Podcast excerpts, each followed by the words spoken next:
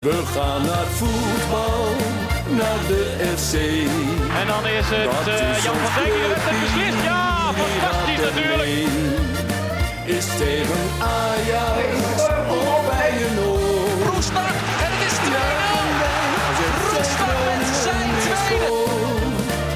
Juichen wij als FC Groningen weer scoort.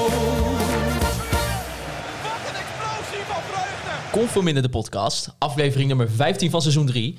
Mijn naam is eh, Maarten Siepel en eh, we zijn er deze week dus alsnog. Het was even de vraag of we een aflevering gingen opnemen tijdens de interlandperiode, maar eh, dat is nu zeker het geval. Ik ben natuurlijk eh, met Wouter Holzappel Hey, en Thijs Faber. Hallo. En eh, Thijs, ja, het is even weer natuurlijk even het horeca momentje. Het is weer het wekelijkse horeca momentje. Ja, waar gaan we straks eten bestellen? Nou, dat weten we nog niet. Maar het gaat... jawel, dat weten we al wel. Oh, Lekker, lekker. oh we gaan bij Cafetaria Lekker Lekker bestellen. Via lekkerlekker.nl gaan we bestellen. Eet je ook mee trouwens, eh, Michiel? Nee, ik eh, eet eh, netjes eh, met de vrouw Oh ja, thuis. kut. Nu Ja. hebben we de, we hebben de gast niet voorgesteld. En Maar dat komt straks wel. Eh, maar we hadden natuurlijk ook kunnen bestellen bij De Slingerij in de stad. via slingerij.nl. Restaurant De Basiliek. Woon je binnen een straal van 25 kilometer van Appingedam. Kun je daar bestellen via restaurantdebasiliek.nl. Plezant Groningen via plezantgroningen.nl. Eh, de Oude Brandweer via oudebrandweer.nl. De Waterloobar, waterloobar.nl. En het Koetshuis Groningen via koetshuisgroningen.nl. En daar hebben wij vorige week besteld. En dat was fantastisch. Dat was Dat was ongelooflijk lekker. Heel goed. Ja. Moest Ja. je dan nog wel zelf wat doen? ja, je moest wel zelf iets in de oven zetten, maar toen dat helemaal... Dat was echt, echt heel lekker. Maar, nou ja. Ja, we, Dat kregen- was het wekelijkse horeca-item. nou, ja, we kregen nog een reactie. eh waarvan ik... Ja, voor de mensen die voor het eerst luisteren, wij hebben dus vanwege, nou, horecaondernemers hebben het moeilijk in deze periode, hebben wij elke week eh, gratis reclame in onze podcast eh, voor horecaondernemers. En eh, mocht je dat nou ook willen, stuur even een mailtje naar info@convolminder.nl. Ja, en zo kregen we ook nog een berichtje via Instagram van Cas. En die zei, jullie zouden ook eens moeten bestellen bij Balkan Restaurant Macedonië aan het einde van de Nieuwe Ebbingen. super lekker eten en de eigenaar heeft prachtige anekdotes over onder andere Tadic. Die daar ook wel eens zat. Dus Maar- wij eh, raden dat aan om daar een keer te bestellen. Nou, gaan we dat ook een keer doen, toch? Ja, nou ja, de Moet- gast... Moeten we meteen met die man op gaan nemen? Ja, dat wou ik net zeggen. Ja, Die, eh, inderdaad. Dan gaan we er ook even met de microfoon heen. ja. Ja, nee, de, de gast werd zo net even al aangekondigd door Thijs, eh, onbewust. Kan gebeuren natuurlijk. Eh, maar de gast van vandaag werkt eh, voor Stats Perform en Opta Sports. En dat is eh, Michiel Jongsma. Welkom. Dankjewel. Ja, even ook voor de luisteraars die misschien eh, niet weten wie jij bent of wat voor werk je doet. Ehm, ja, wat zijn de bedrijven waar je voor werkt en ja, wat, wat doe je daarvoor? Ehm, ik ben eh, hoofd van de redactie van, eh van Optasports. Eh, dat is onderdeel van Stats Perform.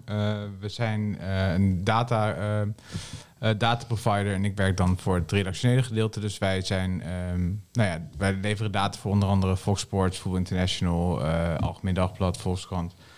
Kom van minder de podcast soms. Kom van, kom van minder de podcast op, eh, op verzoek. Ehm, en nou ja, goed. ehm, internationaal zijn we ook data provider voor de, E- we zijn voor de Eredivisie data provider, voor Premier League, voor heel veel competities eigenlijk. Dus alle vervelende cijfers die je in beeld ziet, die komen linksom of rechtsom eh, bij ons vandaan. Ja, precies. Ja, het is natuurlijk En je bent ook voor FC Groningen, hè? Dat, dat, Ja, ik ben eh seizoenskaarthouder. Ja. Groningen. Nee, om even de relevantie naar onze... Precies. Maar ik denk dat de meeste mensen jou wel kennen, want wij hadden een keer een vraag gesteld. Wie willen jullie nou nog een keer te gast? En ik denk dat na A3 Poldervaart eh, jij wel de meest genoemde naam had. Nou, dat is, dat is een mooi compliment. Ja, nou ja, waarvan acte zou ik willen zeggen. nou, daar eh, wil ik ook wel zeggen, daar, Thijs, daar moet je mee stoppen. Ja, sorry. Ja, dit Ik ben het, ben ik ben het, ik ben het dit zo... Was, dit was de laatste keer, maar ik deed Ontiegelijk even. eens. Ik deed, deed dit even voor de vrienden aan de Lubekweg. Nee, ik ben het... Nee. Dagblad van het Noorden. Nee, ik ben het zo ontiegelijk eens met William Pomp. Die zei gewoon, dit is tenenkrommend. En ik ben het daar helemaal mee eens. Ja. Kap ermee. Ja. Ah, Oké, ja. Het is een soort stukje koping en je moet ermee ophouden. Ja, sorry. Ik, nou, ik stop. Na deze interventie, ik stop. Ja. Maar jongens, ik kan niet stoppen. Het is... Ik, ik denk dat Elke, elke, elke keer als er een stilte valt in deze podcast, dan, dan zeg ik in mijn hoofd al, ja, waarvan akte? Ja, nou ja, het, het, is gewoon het, het, is het vervangende woord voor, jouw voor jouw stopwoordje van... nou, en nu gaan we door naar het volgende onderwerp. Ja, ja sorry. Ik zal er echt Nou, ik vind, ik we hebben het er nu alweer lang, lang genoeg over. er het volgende onderwerp proberen alsjeblieft. op te letten. Ja. Nee, het is natuurlijk uh, best. Interland weekend. En eh, nou, we dachten, wat moesten we gaan doen? En toen dachten we, nou, we kunnen wel even misschien een recap gaan doen van... oh, het is nu ongeveer een kwart seizoen onderweg. Acht wedstrijden. Groningen staat momenteel op eh, de zevende plaats. Vier wedstrijden gewonnen. Eentje gelijk en eh, drie verloren. Ehm, Michiel, wat, eh, ja, ben je tevreden over de afgelopen acht wedstrijden van FC Groningen? Ehm, Ja, op zich wel. Ik denk, eh nou ja, Thijs en ik hebben het er wel een keer op Twitter over gehad. Van de verwachtingen voor het seizoen waren, waren nogal hoog gespannen. De verwachtingen van wat er binnen zou kunnen komen, ehm, waren denk ik hier en daar wat onrealistisch. Ik denk dat, eh, dat als je kijkt naar de eerste acht wedstrijden, je hebt gewoon een moeilijk programma gehad. Eigenlijk de wedstrijden die je hoopt te winnen, win je. Eh, de wedstrijd die je verwacht te verliezen, verlies je ook eh, grofweg. En eh, nou ja, het, is, het is een beetje zo gegaan als je, nou ja, denk ik, kan verwachten. En gezien de, de selectie, jongensselectie, eh is dat denk ik helemaal niet verkeerd. Ik denk dat je best wel tevreden mag zijn. Thijs, ben je daarmee eens? Nou, ik denk, ik denk eh, het is natuurlijk, en dat is een beetje cliché, het is gewoon een heel raar seizoen. En eh, als je ziet hoe wij begonnen tegen PSV, nou, die kun je thuis verliezen. Ehm, ja, tegen ADO eh, heb je dan wel gewoon gewonnen. Maar ja, het was denk ik echt misschien wel de slechtste wedstrijd van dit seizoen van Groningen. En dan eh, kwam de week daarna ook nog Twente. Die je gewoon in de eerste helft toen hebt weggegeven. Maar ik denk dat op zich, nou vanaf Ajax eigenlijk... ja, heeft Groningen zich echt, eh, echt herpakt. En ook wel laten zien dat, dat er aanvallend wel wat meer opties zijn dan bijvoorbeeld vorig seizoen. En dat met gewoon, nou ja, weet je, het is misschien nog vroeg, maar dat je met Strand Larsen ja, waarschijnlijk wel gewoon eh, een schot in de roos hebt gehad op de transfermarkt eh, in, in de zomer. En het is natuurlijk lang geleden dat we echt een goede spits hebben gehad. En nou, hij heeft in ieder geval de potentie om dat te worden. Ja. Ja, Hols, jij dan? Als, eh, als Ajax-supporter ook natuurlijk, voor de mensen die dat nog niet weten. Ja, wat wil je, Eh, wat wil je weten? Ja, hoe, hoe, hoe heb jij gekeken naar de afgelopen periode van FC Groningen? Poeh, nou, ehm, ik denk dat het eh, wel weer een soort rollercoaster was. Want aan het begin van het seizoen had ik er eh, nou, ja, helemaal niet zoveel verwachtingen van eigenlijk. En ehm, had ik helemaal niet gek gevonden als ze nu bijvoorbeeld rond de 12e, 13e plek zouden staan. Of lager misschien wel, 14e. En dan gebeuren er een paar dingen. Dan heb je ineens een eh, Alessio da Cruz die, eh, die je binnenhaalt... en die gewoon heel goed in deze selectie eh, lijkt te passen. En je had een spits van, hoe oud is die? 19, 20? 20. Die ook nog eens precies het, het, het, hetgene brengt voorin wat je eigenlijk mist. En dan ook nog eens, nou ja, een, een balk die eh, misschien echt tegen de poort aan bonst. En dan sta je er ineens heel anders voor. En kun je winnen van Feyenoord, wat je niet doet. Win je van Ajax. En nou ja, volgens mij eh, is het dat boven verwachting. Ja, van tevoren eh, ja, proefde hij denk ik toch bij veel supporters ook wel toch een beetje onzekerheid. Ook was er ja, was toch misschien al wat kritiek op het aankoopbeleid van Mark-Jan Verderes. Ehm ja, Michiel, hoe, hoe keek jij van tevoren naar hoe FC Groningen dit seizoen zou ingaan? Nou, het, hangt heel erg vanaf hoe je eh, als club zo'n periode überhaupt in wil. Ik denk dat je, je hebt een aantal jaar geleden het hele plan gehad, FC Groningen, wat was het, FC Groningen 2018 uit mijn hoofd. Eh, waarbij het idee was om 50% van de eh, selectie eigenlijk uit eigen jeugd te laten bestaan. Jeugd op één of zo heette dat ja, zoiets, ja. Het werd toen heel erg groots aangekondigd en dat was eigenlijk, eh, dat, voel- dat voelde destijds als, als heel ambitieus en eigenlijk een beetje onrealistisch. Ja, terwijl als je nu kijkt, gewoon, je, hebt, je hebt een goede, goede jeugdlichting, je hebt vertrouwen in je opleiding. We hebben nu nou ja, een aantal jongens rondlopen van 18, 19 jaar die gewoon eigenlijk, eh, wat, eh, wat Maarten net zegt, gewoon tegen de deur aan het bonzen zijn. Ehm, en dat is eigenlijk denk waar je als club in moet zetten. Gewoon kijken van eh, wat hebben we hier, wat, wat zijn we aan het opbouwen, wat zijn we neerzetten. En je kijkt gewoon naar een langere termijn. En niet zozeer naar dit seizoen of acht wedstrijden of wat dan ook. Alleen, ja goed, in, in het betaald voetbal is dat altijd lastig. Want op een of andere manier, en dat merk je ook wel bij FC Groningen... Er leeft altijd de vrees dat je in één keer gaat degraderen of wat dan ook. Terwijl Ja. eigenlijk, als je heel eerlijk bent... eh, degradatie is voor Groningen al best wel lang niet echt een item meer. nou, ja, je zou kunnen zeggen twee seizoenen geleden. Ja, toen, toen speelde het enigszins. Maar zelfs toen dacht ik, dacht ik van... Het is niet realistisch dat FC Groningen daadwerkelijk gaat eh, degraderen. Want er zijn dusdanig veel ploegen slechter dan, Ja. eh, wat FC Groningen heeft staan. En het moeilijke is een beetje van... Ga je, eh, ga je de transferwindow beoordelen op dit seizoen... of ga je beoordelen op komende seizoenen? Wat, wat is een miskoop? Wat is een goede aankoop? Welk timeframe wil je daarbij zien? En als je een beetje in het grotere plaatje kijkt naar FC Groningen... denk ik dat er heel erg in is gezet op... eh, niet per se dit seizoen... Maar meer op, op gewoon de toekomst. Gewoon spelers de kans geven om zich verder te ontwikkelen. Het kan zijn dat je daar een paar keer slechte resultaten door behaalt. Alleen eh, Jurgen Strand Larsen, ook al is hij nog niet zo ver als een... Nou ja, een, een, nou, van Wolfswinkel werd over gesproken bijvoorbeeld. hij is niet zo ver als dat, maar dat wil niet zeggen dat hij niet een hoog niveau kan bereiken. En als investeerder is het in dat opzicht weer een interessantere speler. Ja, en, en natuurlijk, kijk, die, die jonge spelers zijn ook gewoon op het moment dat zij veel minuten krijgen. En als het inderdaad blijkt dat daar een paar spelers tussen zitten die echt, eh, echt ver kunnen komen en echt qua niveau eh, heel veel stappen kunnen maken. Ja, dan ga je natuurlijk. eh, in deze tijden is dat financieel ook gewoon heel aantrekkelijk. Omdat je in principe eh, met een relatief kleine investering, namelijk gewoon het investeren in de jeugdopleiding, investeren in het persoonlijke traject van zo'n speler. Ja, bouw je eigenlijk waarde op binnen je club met iets waar je gewoon al jaren op ingezet hebt. En eh, ik denk dat het, als je gaat kijken naar het perspectief van de supporter, ook gewoon, kijk, je hebt, je hebt gewoon liever een, een, een, een, een jonge speler die het ontzettend goed doet dan Ja. een huurspeler die eh, Ja, zeker. even een jaar ervoor zorgt dat je misschien in plaats van twaalfde, negende wordt.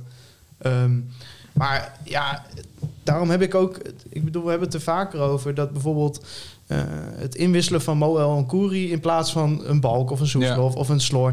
Dan denk ik wel eens van ja, dat rijmt dan eigenlijk niet met, met, met dat ingezette beleid van... eh, nou, er is ook door Vladeris gecommuniceerd en werd gevraagd... waarom is er niet meer bijgekomen? Ja, er zit een jeugdlichting aan te komen. Maar ondertussen zitten we wel elke wedstrijd weer 25 minuten te kijken... naar een speler wiens contract aan het eind van het seizoen afloopt. Ja, hoe kijk jij daarnaar, Michiel? Want het is een, een onderwerp wat wij al vaak hebben besproken. Uh, Mo El Koer. En ook inderdaad elke keer dat het toch inwisselen van zo'n jongen... in plaats van misschien een Kian Sloor of noem het maar op. Ja. Hoe, hoe, hoe zie jij dat? Uh, ik denk dat het vooral een uh, kwestie is van uh, het vertrouwen van El Koeri qua verdedigende taken. Uh, hij heeft de afgelopen jaren juist in dat opzicht best wel wat bijgedragen. Het is wel iemand die veel energie in een wedstrijd stopt. Het is een goede dribbelaar. Ik denk dat daar geen enkele discussie over is. Nee. Ja, het, het zogeheten rendement uh, valt tegen. Maar ik kan me best wel voorstellen dat op het moment dat jij, uh, dat jij een wedstrijd wil uh, behouden, zeg maar, in de staat zoals hij is, dat je graag El Koeri inbrengt en niet het risico wil nemen met uh, Soeslof, die bijvoorbeeld, volgens mij was het tegen PSV, een paar keer frivol frivoliteit te laten zien, wat als toeschouwer leuk is, maar waarvan je wel denkt van ja, je raakt heel makkelijk de bal Ja, maar we hebben toch ook El Koeri gewoon ingebracht zien worden in wedstrijden tegen Twente waar je achter staat, in wedstrijden tegen Feyenoord vorige week waar je achter staat, in wedstrijden tegen, nou, uh, noem maar op. Eigenlijk, nou, hij is natuurlijk in elke wedstrijd ongeveer al ingevallen. Ja, klopt. Maar ik denk dat, uh, dat als uh, de trainer in dit geval denkt dat hij meer weet wat hij kan verwachten van El Hankouri dan van Balk of Soeslof of wie dan ook, dat dat gewoon een, een belangrijke rol voor hem speelt. Of, of je het ermee eens bent, is een tweede natuurlijk. Ik bedoel, ik, ik zelf denk ook van de, de credit is op een gegeven moment ook wel een beetje op. Ik, ben, uh, ik heb het wel vaker aangegeven. Ik ben best wel gecharmeerd van wat El Kouri kan. Ik denk alleen niet dat het op zijn positie. Uh, nou ja, dat, hij, dat hij hoort geen linksbuiten te zijn in mijn optiek. Hij is veel interessanter als je hem wat meer naar achter haalt. Want het is een goede dribbel, gewoon goede inhoud, fysiek, uh, fysiek is hij prima. Alleen je hebt toch wel een beetje het idee dat op het moment dat, dat, dat de bal binnen 30 meter van het vijandelijke doel komt, dat hij een beetje in paniek raakt. Ja, maar waar zou je hem dan eerder opstellen? Ja, ik heb wel eens vaker gezegd. Ik denk dat hij, uh, dat hij op, op bijvoorbeeld de backpositie best wel interessant kan zijn. Of misschien zelfs wel centraal. Uh, Achterin? Nee, niet centraal. achterin. Nee, nee. nee, maar... Naast nee, Ko. maar, nee, maar het, is, het is, Co-MO, dat zou toch geweldig zijn? Nee, maar het is wel... Bedoel, uh, dat is niet, niet een vergelijkbare voetballer. Maar Daniel van Kaam was, maakte ook zijn debuut als linksbuiten. En is een speler met een goede dribbel. Prima overzicht. Gewoon technisch goed. El Kouri heeft dat op zich ook. En volgens mij, wat ik heb gehoord, een fijne jongen mee te werken. Uh, super taakbewust in dat opzicht. Je kan hem juist volgens mij alleen maar helpen als je hem iets verder naar achter haalt, waar hij wat meer tijd heeft, wat meer ruimte heeft. want ja, eigenlijk de grootste frustratie bij El Kouri is eigenlijk, ja, als, als hij de 16 binnenkomt of daarbij in de buurt komt, dan komt er niet genoeg uit. Niet zozeer wat hij verder op het, op het veld verder doet. Dus jij zou zeggen, als Daniel van Kamer een keer rond de 70ste minuut tegen wat krampjes aanloopt, uh, zet Elwan Koeri er neer. Nou, nee, zover willen we nog niet gaan. maar het, uh, dat, dat soort opties kan je wel over nadenken. Het is een gigant, gigantische meerwaarde als je iemand hebt die in staat is door een dribbel een man meer situatie ergens op het veld te creëren. Uh, en dat is iets wat hij wel heeft. En dat is denk ik ook waarom iedereen van Kaam op die positie zo leuk vindt. Hij weet een man uit te spelen en in één keer sta je met 3 tegen 2 of weet, ik veel. Gewoon, ja, ik, ik denk dat El Koeri dat ergens ook wel in zich heeft. Ik vind, ik vind dit wel weer prachtig. Ik, het, de eerste keer dat ik Michiel Jongsma ooit in het echt ontmoette... was denk ik Ajax uit of zo. Uh, Ja, in denk ik ook, 2018.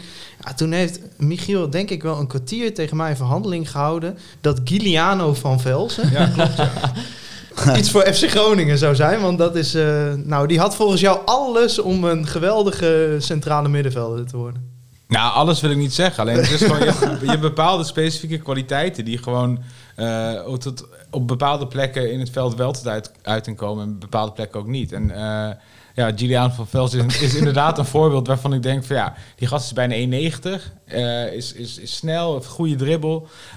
en je merkt gewoon dat, dat hij eigenlijk eh, dichter bij het doel meer in paniek raakt. Ik denk van nou, dan moet je, moet je zorgen dat hij daar niet, daar niet moet zijn. Dat is prachtig. Ja. Dat doe ik op voetbalmanager ook altijd. Maar eh, of het in het echt ook werkt.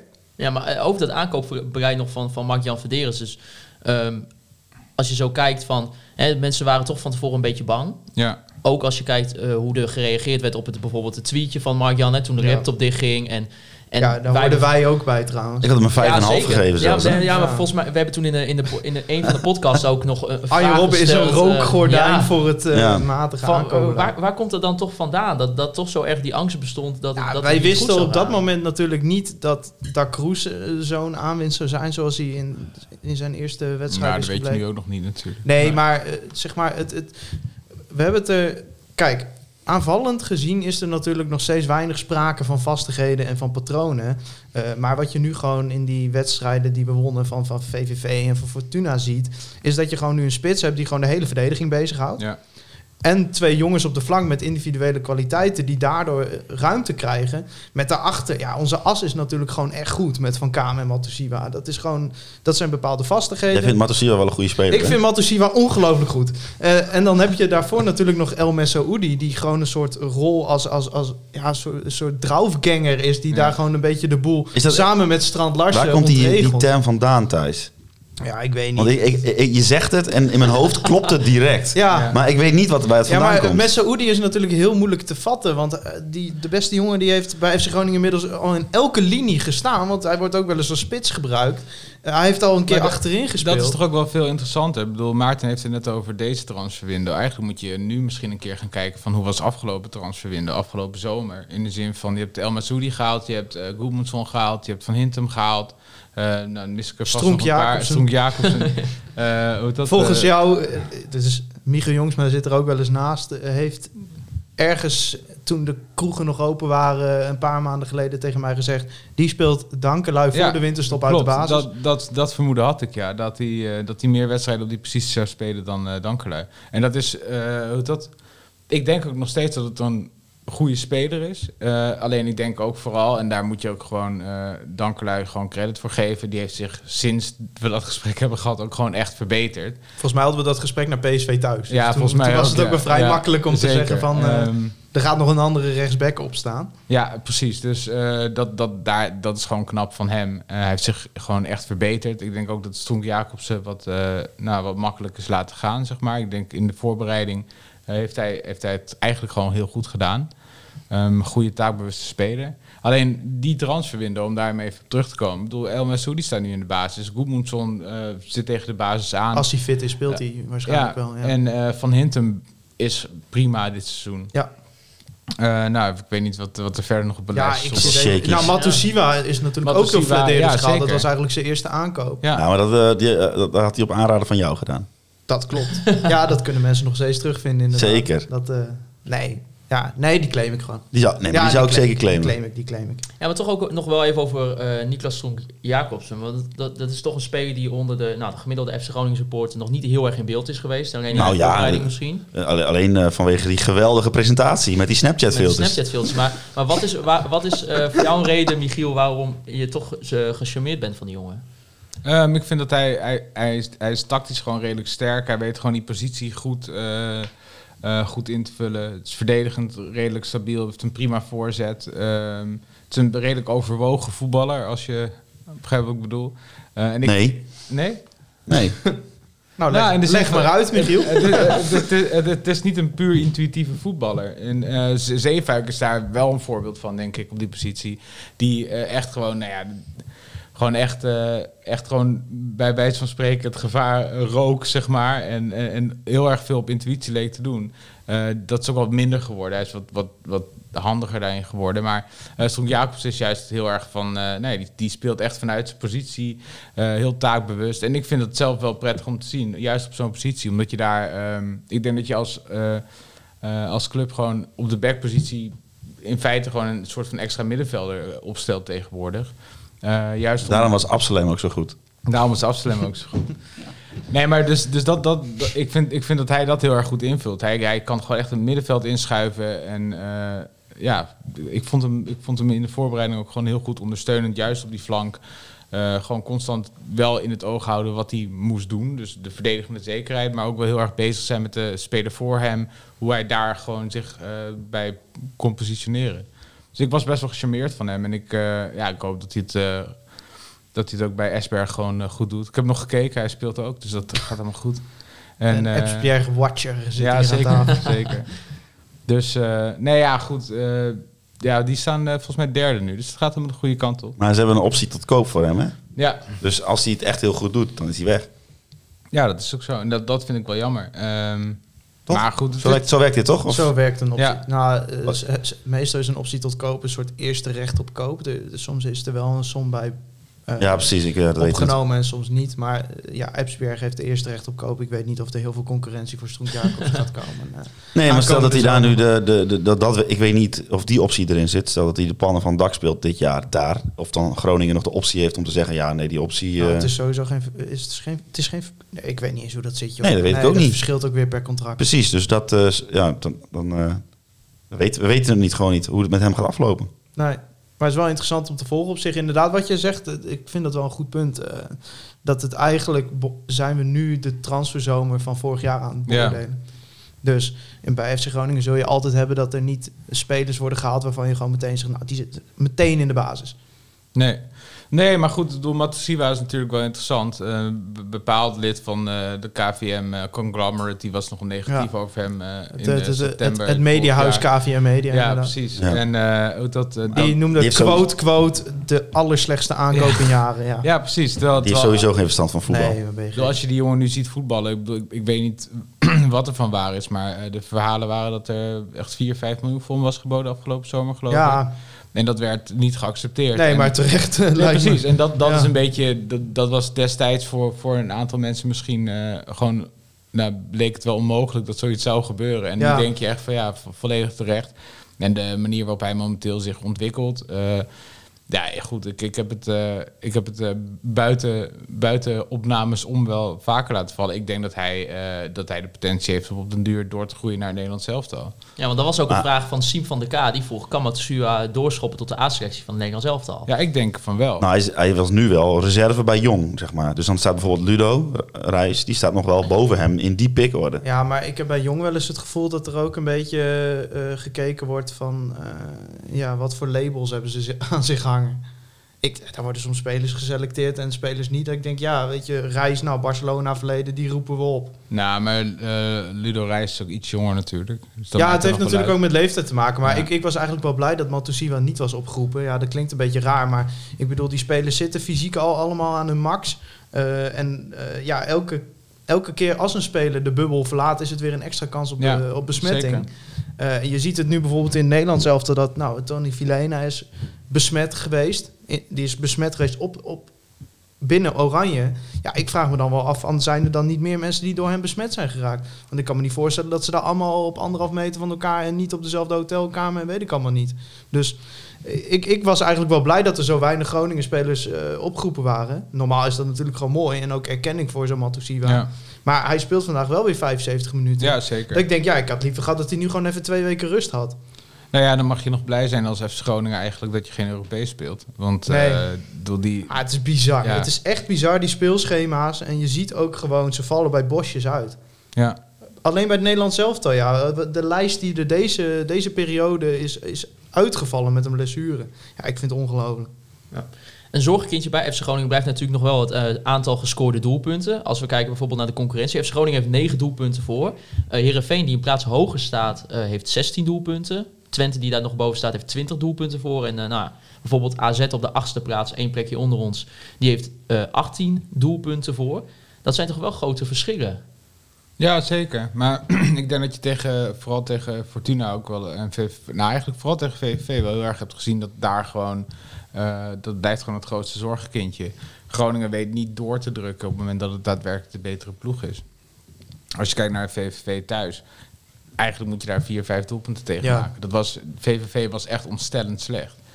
En, Alleen- en Fortuna in die eerste helft natuurlijk ook. En Fortuna in die eerste helft ook. Alleen je hebt eh, als ploeg in dat opzicht gewoon niet het vermogen om, eh, ja, om daar meer mee te doen. Ik denk ook wel dat er eh, in gewoon... Danny Buis is een uitstekende trainer wanneer het gaat over defensieve organisatie. Het is echt super knap wat daar wordt neergezet en, neergezet. En ik vind ook hoe dat Wessel Dammers is natuurlijk wel vaak bekritiseerd. En je kan je ook afvragen of hij echt lekker gezetteld is, eh, zeg maar. Maar uiteindelijk heb je als verdediging gewoon nou ja, Ajax, PSV al gehad, Feyenoord al gehad. Eh, en wat, hoeveel zei je? Eh, Tien tegengoals, ja. ja, precies. Utrecht al gehad. Utrecht, al. al gehad. Dat is echt, echt opmerkelijk. En eh, die defensieve organisatie met gewoon bijna een compleet nieuwe achterhoede. Het is gewoon heel knap dat je dat voor elkaar kan krijgen. Alleen aanvallend ontbreekt er echt nog wel iets. En, ehm, eh, Ja, maar waar ligt dat toch aan? Ik Is dat toch niet de combinatie Danny Buis, Adrie Poldervaart? nou, weet ik niet. Het- het- ja, nou ja, uiteindelijk zijn zij eindverantwoordelijk natuurlijk. Maar eh, Adrie Poldervaart is niet dominant genoeg, denk ik. Nee, maar als je, als je kijkt naar het middenveld. Ik bedoel, eh, El Messoudi heeft wel scorend vermogen. Maar eh, Van Kamer en Matsila nee, die gewoon scoren niet. natuurlijk allebei niet. Nee, en Nou, hoe dat? Je, kan Ja, je, El Masoudi scoort ook niet. Nee, maar dan, je hebt wel gescoord tegen Twente. ja, Ja, maar, maar ja, maar- ja, dan ben je eigenlijk inderdaad doelpunt aan het tellen. En we hebben natuurlijk eh, tegen Twente bijvoorbeeld, waren onze enige twee aanvallers op het veld, waren Mo El Kouri en Strand Larsen, die Ja. op dat moment, ja, voor mijn gevoel nog steeds niet helemaal fit was. Nee, De, die eerste drie wedstrijden van Strand Larsen zag je wel inderdaad bij Vlagen wat voor speler dat was. Maar ik vond hem juist tegen Fortuna en VVV, ja, dan, dan, dan kon hij dat veel langer volhouden. Nee, maar het is ook wel, kijk, eh, Groningen speelt een soort van kantelvoetbal. En dat is op zich, eh, denk ik, ook best wel verstandig gezien de kwaliteiten die je hebt. In de zin van, het gaat altijd, weet je, je valt aan, je stabiliseert. Je verdedigt, je stabiliseert. Constant gewoon tempo uit het spel halen. Eh, en er wordt eigenlijk heel weinig gedaan door Groningen in de omschakeling. Dat is al Ja. jaren zo. Eh, terwijl als je, ga, als je gewoon een aantal jaar teruggaat naar eh, Van der Looy met Kostic en Zivkovic en Sherry. Dat was het Ja. tegenovergestelde. Dat was gewoon meteen, hoe heet dat, gas vooruit. Ja, maar je hebt het wel gewoon dan ook over spelers, hè? Ja, je hebt wel over spelers, het maar het is is- ook tactiek. In de zin van, hoe dat, de, de huidige selectie zit gewoon inderdaad vol met spelers die graag aan de bal zijn. Doel Ancuri is niet iemand die veel diep gaat. Nee. Loenkvist is niet iemand die veel diep gaat. Eh Nee. Roestic was al helemaal niet iemand die veel diep gaat. Dus je- dat is ook wel echt iets wat, wat uitgesproken ontbreekt. En in dat opzicht is Strand Larsen natuurlijk wel een heel verfrissende speler. Want die gaat, ja, die gaat alle kanten op, zeg maar. Gigantisch loopvermogen, gewoon de hoek in. Eh, centraal doet hij zijn werk. Die, die man die maakt zoveel meters. En, Maar is er zonder Strand Larsen een aanvalsplan? nou, dat, dat weet ik niet. Maar ik denk ook wel tegen, eh, juist tegen Feyenoord eh afgelopen keer. Dat is denk ik een soort wedstrijd waar je graag iemand had gezien als, eh als Postema. Iemand die wel meters maakt achter de verdedigende linie van de tegenstander. Die je diep kan sturen, waardoor je gewoon die verdediging wat achteruit drukt. En tegenwoordig, het is gewoon... Als je tegen Groningen speelt, dan weet je eigenlijk wel van de omschakelmomenten hoef je niet heel, belang, eh, niet heel bang voor te zijn. Nee. Dat is denk ik iets waar je Maar dat is eigenlijk wel met, met Joosten, Da Cruz en zelfs Strand Larsen wel jammer. Want ik denk dat daar... Ik heb dat volgens mij ook wel eens vaker gezegd... dat er op bepaalde momenten door Groningen gewoon echt gênant wordt omgeschakeld. Ja, maar Goedmanson kan het wel weer. Goedmanson bijvoorbeeld ook. Maar Ja. als je kijkt naar bijvoorbeeld die wedstrijd tegen ADO... die we met 1-0 wonnen. Ja, op een gegeven moment was ADO met een soort slotoffensief bezig... wat eigenlijk gewoon zoveel mogelijk mensen naar voren sturen. Ja. Ja, en dan zie je die omschakeling. Dan heb je met Van Kamer een man die zo'n bal wel kan geven. Ja, en dan komt- twijfels over. En ja, nee, weet ik niet. Want het is ook met name dat zo'n bal dan of bij El Kouri of bij, eh, bij eh, Joosten terechtkomt. Ja. ja. en dat er gewoon geen tempo wordt gemaakt. nee, klopt. En dan vraag ik me af, eh, ligt dat aan, aan, aan hoe ze het veld in zijn gaan? Dat ze denken, nou, we gaan liever die 1-0 consolideren... dan dat we gaan proberen op de omschakeling wel resultaten halen. Maar ik denk dat ook bijvoorbeeld tegen PSV... Op een gegeven moment gaat die 1-1 erin. Toen had Groningen ook twee, drie momenten... dat op het moment dat zo'n omschakeling wel goed uitpakt... dat je gewoon 2-1 voor kan komen. Ja. En ja, dan gaat PSV erop uit, uiteindelijk op kwaliteit met 2-1, 3-1 overheen. Maar ik denk wel eens van ja, als we het dan hebben over waarom wordt er zo weinig gescoord. En daarom stelde ik die vraag net ook een beetje retorisch. Volgens mij is dat in de kern dat Groningen niet zo heel veel manieren heeft om te scoren. Nee, dat denk ik ook. En terwijl eh, juist op die omschakeling, waar je volgens mij. Kijk, vorig jaar kon je zeggen: je hebt de spelers niet om om te schakelen. Maar nu met Da Cruz, met Goedmonson, met, ehm, met Joosten en met Strand Larsen, die ook gewoon best wel snel is. Mhm.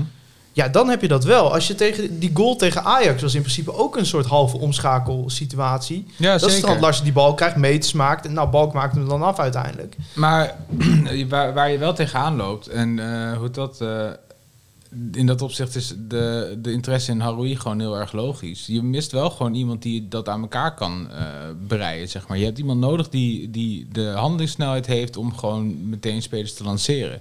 Eh Matusiwa, ondanks dat ik hem fantastisch vind, is niet een uitstekende eh, voorwaartse paser, zeg maar. Die zijn, zijn grootste kwaliteiten komen verdedigend. Van Kaam, hele leuke speler om te zien.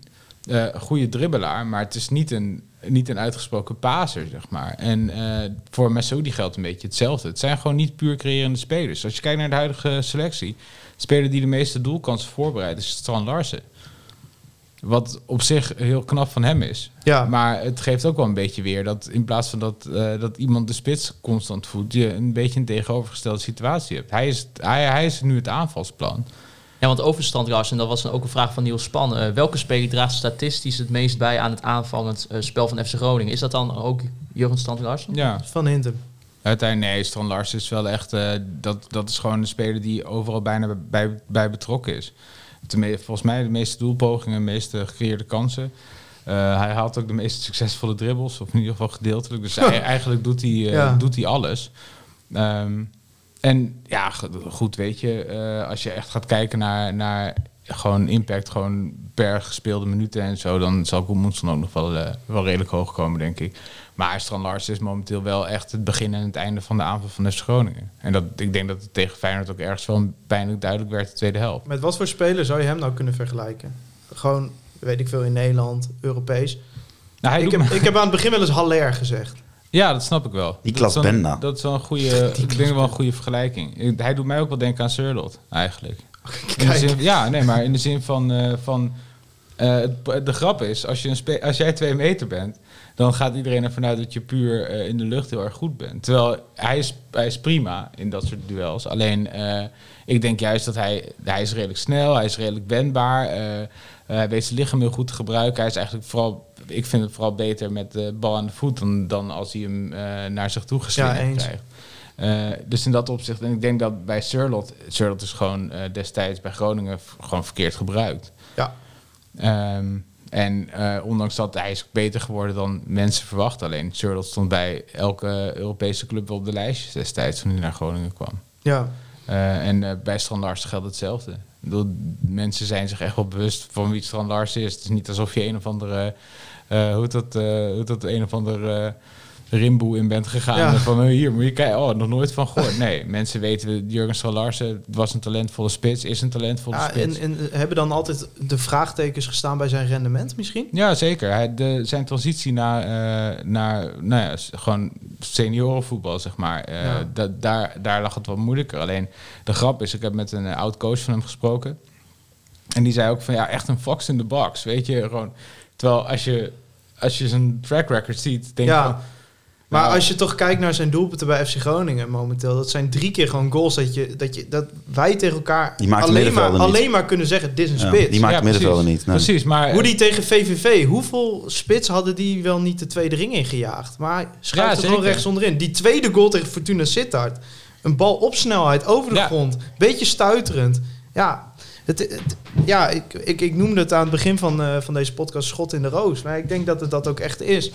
Ja, En dat moet is wel je, lekker... je, je moet je afvragen hoe lang je die jongen houdt. Ja, ja, als hij, ja nou, het is misschien maar goed dat we hem op vakantie hebben Ja, gestuurd. zeker. Misschien dat een beetje dat momentum kan indalen. Want eh het is ook een grappig verhaal. Eh, Noorwegen heeft momenteel met coronaproblemen te maken. En eh, nou, wij nemen dit op op zondag. Noorwe- de corona? Ja, Eh, de Noorse ploeg, hè? De Noorse oh ja, ploeg. Eh, waardoor zij niet naar Roemenië mogen afreizen. Oh, echt? Eh, en die zouden vanavond, het is vandaag zondag, tegen Roemenië Ja? spelen. Ehm, en eh, nou, dus we hebben dus geen team. Maar de UEFA heeft min of meer gezegd van ja, als jullie niet komen, dan verlies je met 3-0. Ja. Dus die wilde een noodteam optuigen, zeg maar, met alleen maar spelers die in het buitenland spelen. Want dat mochten volgens de corona- coronaregels dan weer wel. Maar daar stond Stan Larsen dus ook op de lijst. ja. Ah, ik dacht ook, ja, die jongen is toch gewoon op vakantie Die- in Noorwegen. die is nu in. Noorwegen, Die is toch? nu in Noorwegen. ja. Maar ja, hij valt er wel op. Hij heeft natuurlijk wel het probleem dat hij een generatiegenoot voor zich heeft bij Noorwegen. Die hem waarschijnlijk Zo. de rest van zijn carrière uit de basis gaat spelen bij het eerste. Zo. ja. Maar ja, het, het is, eh, ik vind het wel eh, gewoon leuk dat we het een keer weer over een spits van FC Groningen kunnen hebben. Waar we gewoon echt allemaal van zeggen... Ja, dit, dit, dit, Nou, ik hoop dat hij stopt nou, met scoren. überhaupt de zin. überhaupt de zin. Hoe lang kun je hem vasthouden? Hoe, Ken- dat, ken- hebben, we- dat hebben we al lang niet meer gezegd over een Ken jij het Noorse volkslied, eh, Michiel? Nee, ik niet. Maar ik heb gehoord dat jij hem wel... eh, wel Ja, ik ben- jij bent al begonnen met leren. ja, ja, ja, ja. Ja, ja. Nee, maar het is, het, is, het is ook wel lastig in de zin van... eh, ehm, eh, als je als, je als, Groningen supporter heb je gewoon een bepaald beeld van wat een spits moet zijn en wat de speelwijze moet zijn. En heel veel mensen buiten die omgeving die verwarren dat met, met eh, dat je heel erg kritisch naar dingen kijkt. Maar het is meer gewoon het verwachtingspatroon. Groningen heeft gewoon de afgelopen eh, jaren niet echt een Groningen type spits gehad. Want de grap is, toen Martin Drent was eh, goed genoeg voor de supporters van Groningen. Terwijl Martin was een goede spits, maar geen wereldspits.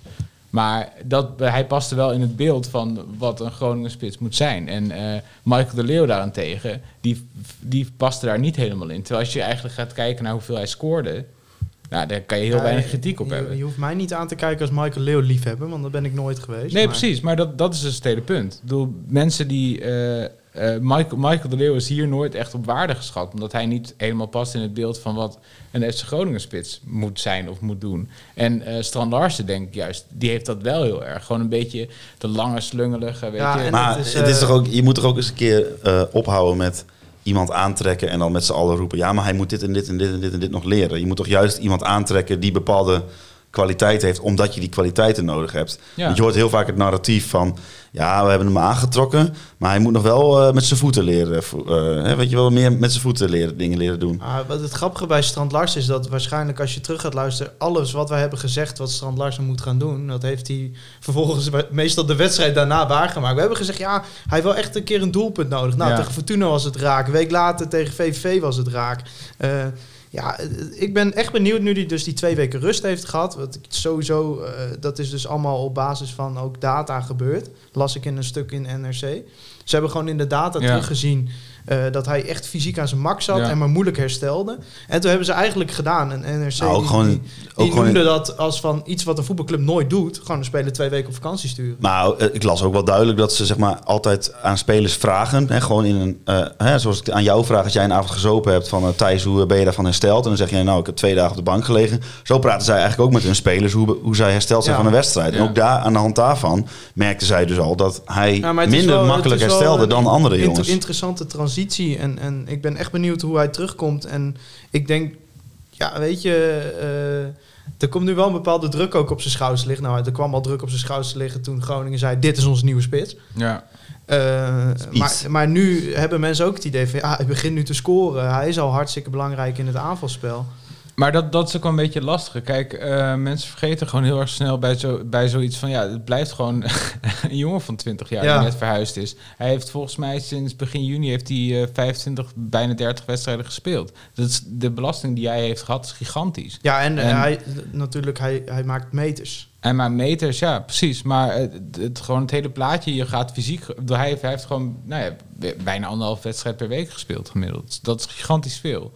En eh, afgezien daarvan, bedoel, het, is voor, het is voor iedereen al een, eh, een, een, een hele testende periode, zeg maar, geestelijk. Laat staan als je nog, eh, nog moet verhuizen en, en dat soort dingen, en je aanpassen in een nieuwe omgeving. Er was vanuit verschillende richtingen was er kritiek op dat Groningen hem met vakantie stuurde. Martin Drent die zei bijvoorbeeld dat hij, hij vond het wanbeleid was dan Ja. de quote die ze eruit haalde. Hij heeft Oh. dat genuanceerder gebracht.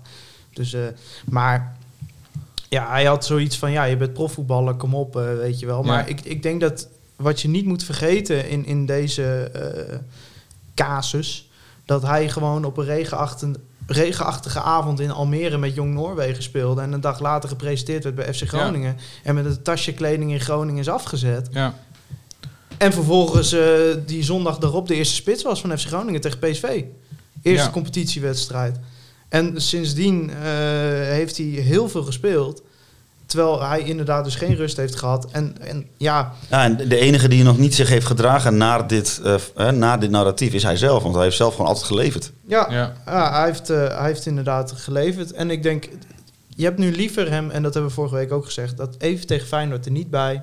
Ja, Zou hij dat, ik ben heel benieuwd een keer. Zou hij dat zelf ook, zou hij zelf ook die keuze hebben gemaakt? Ik kan me dat bijna niet voorstellen.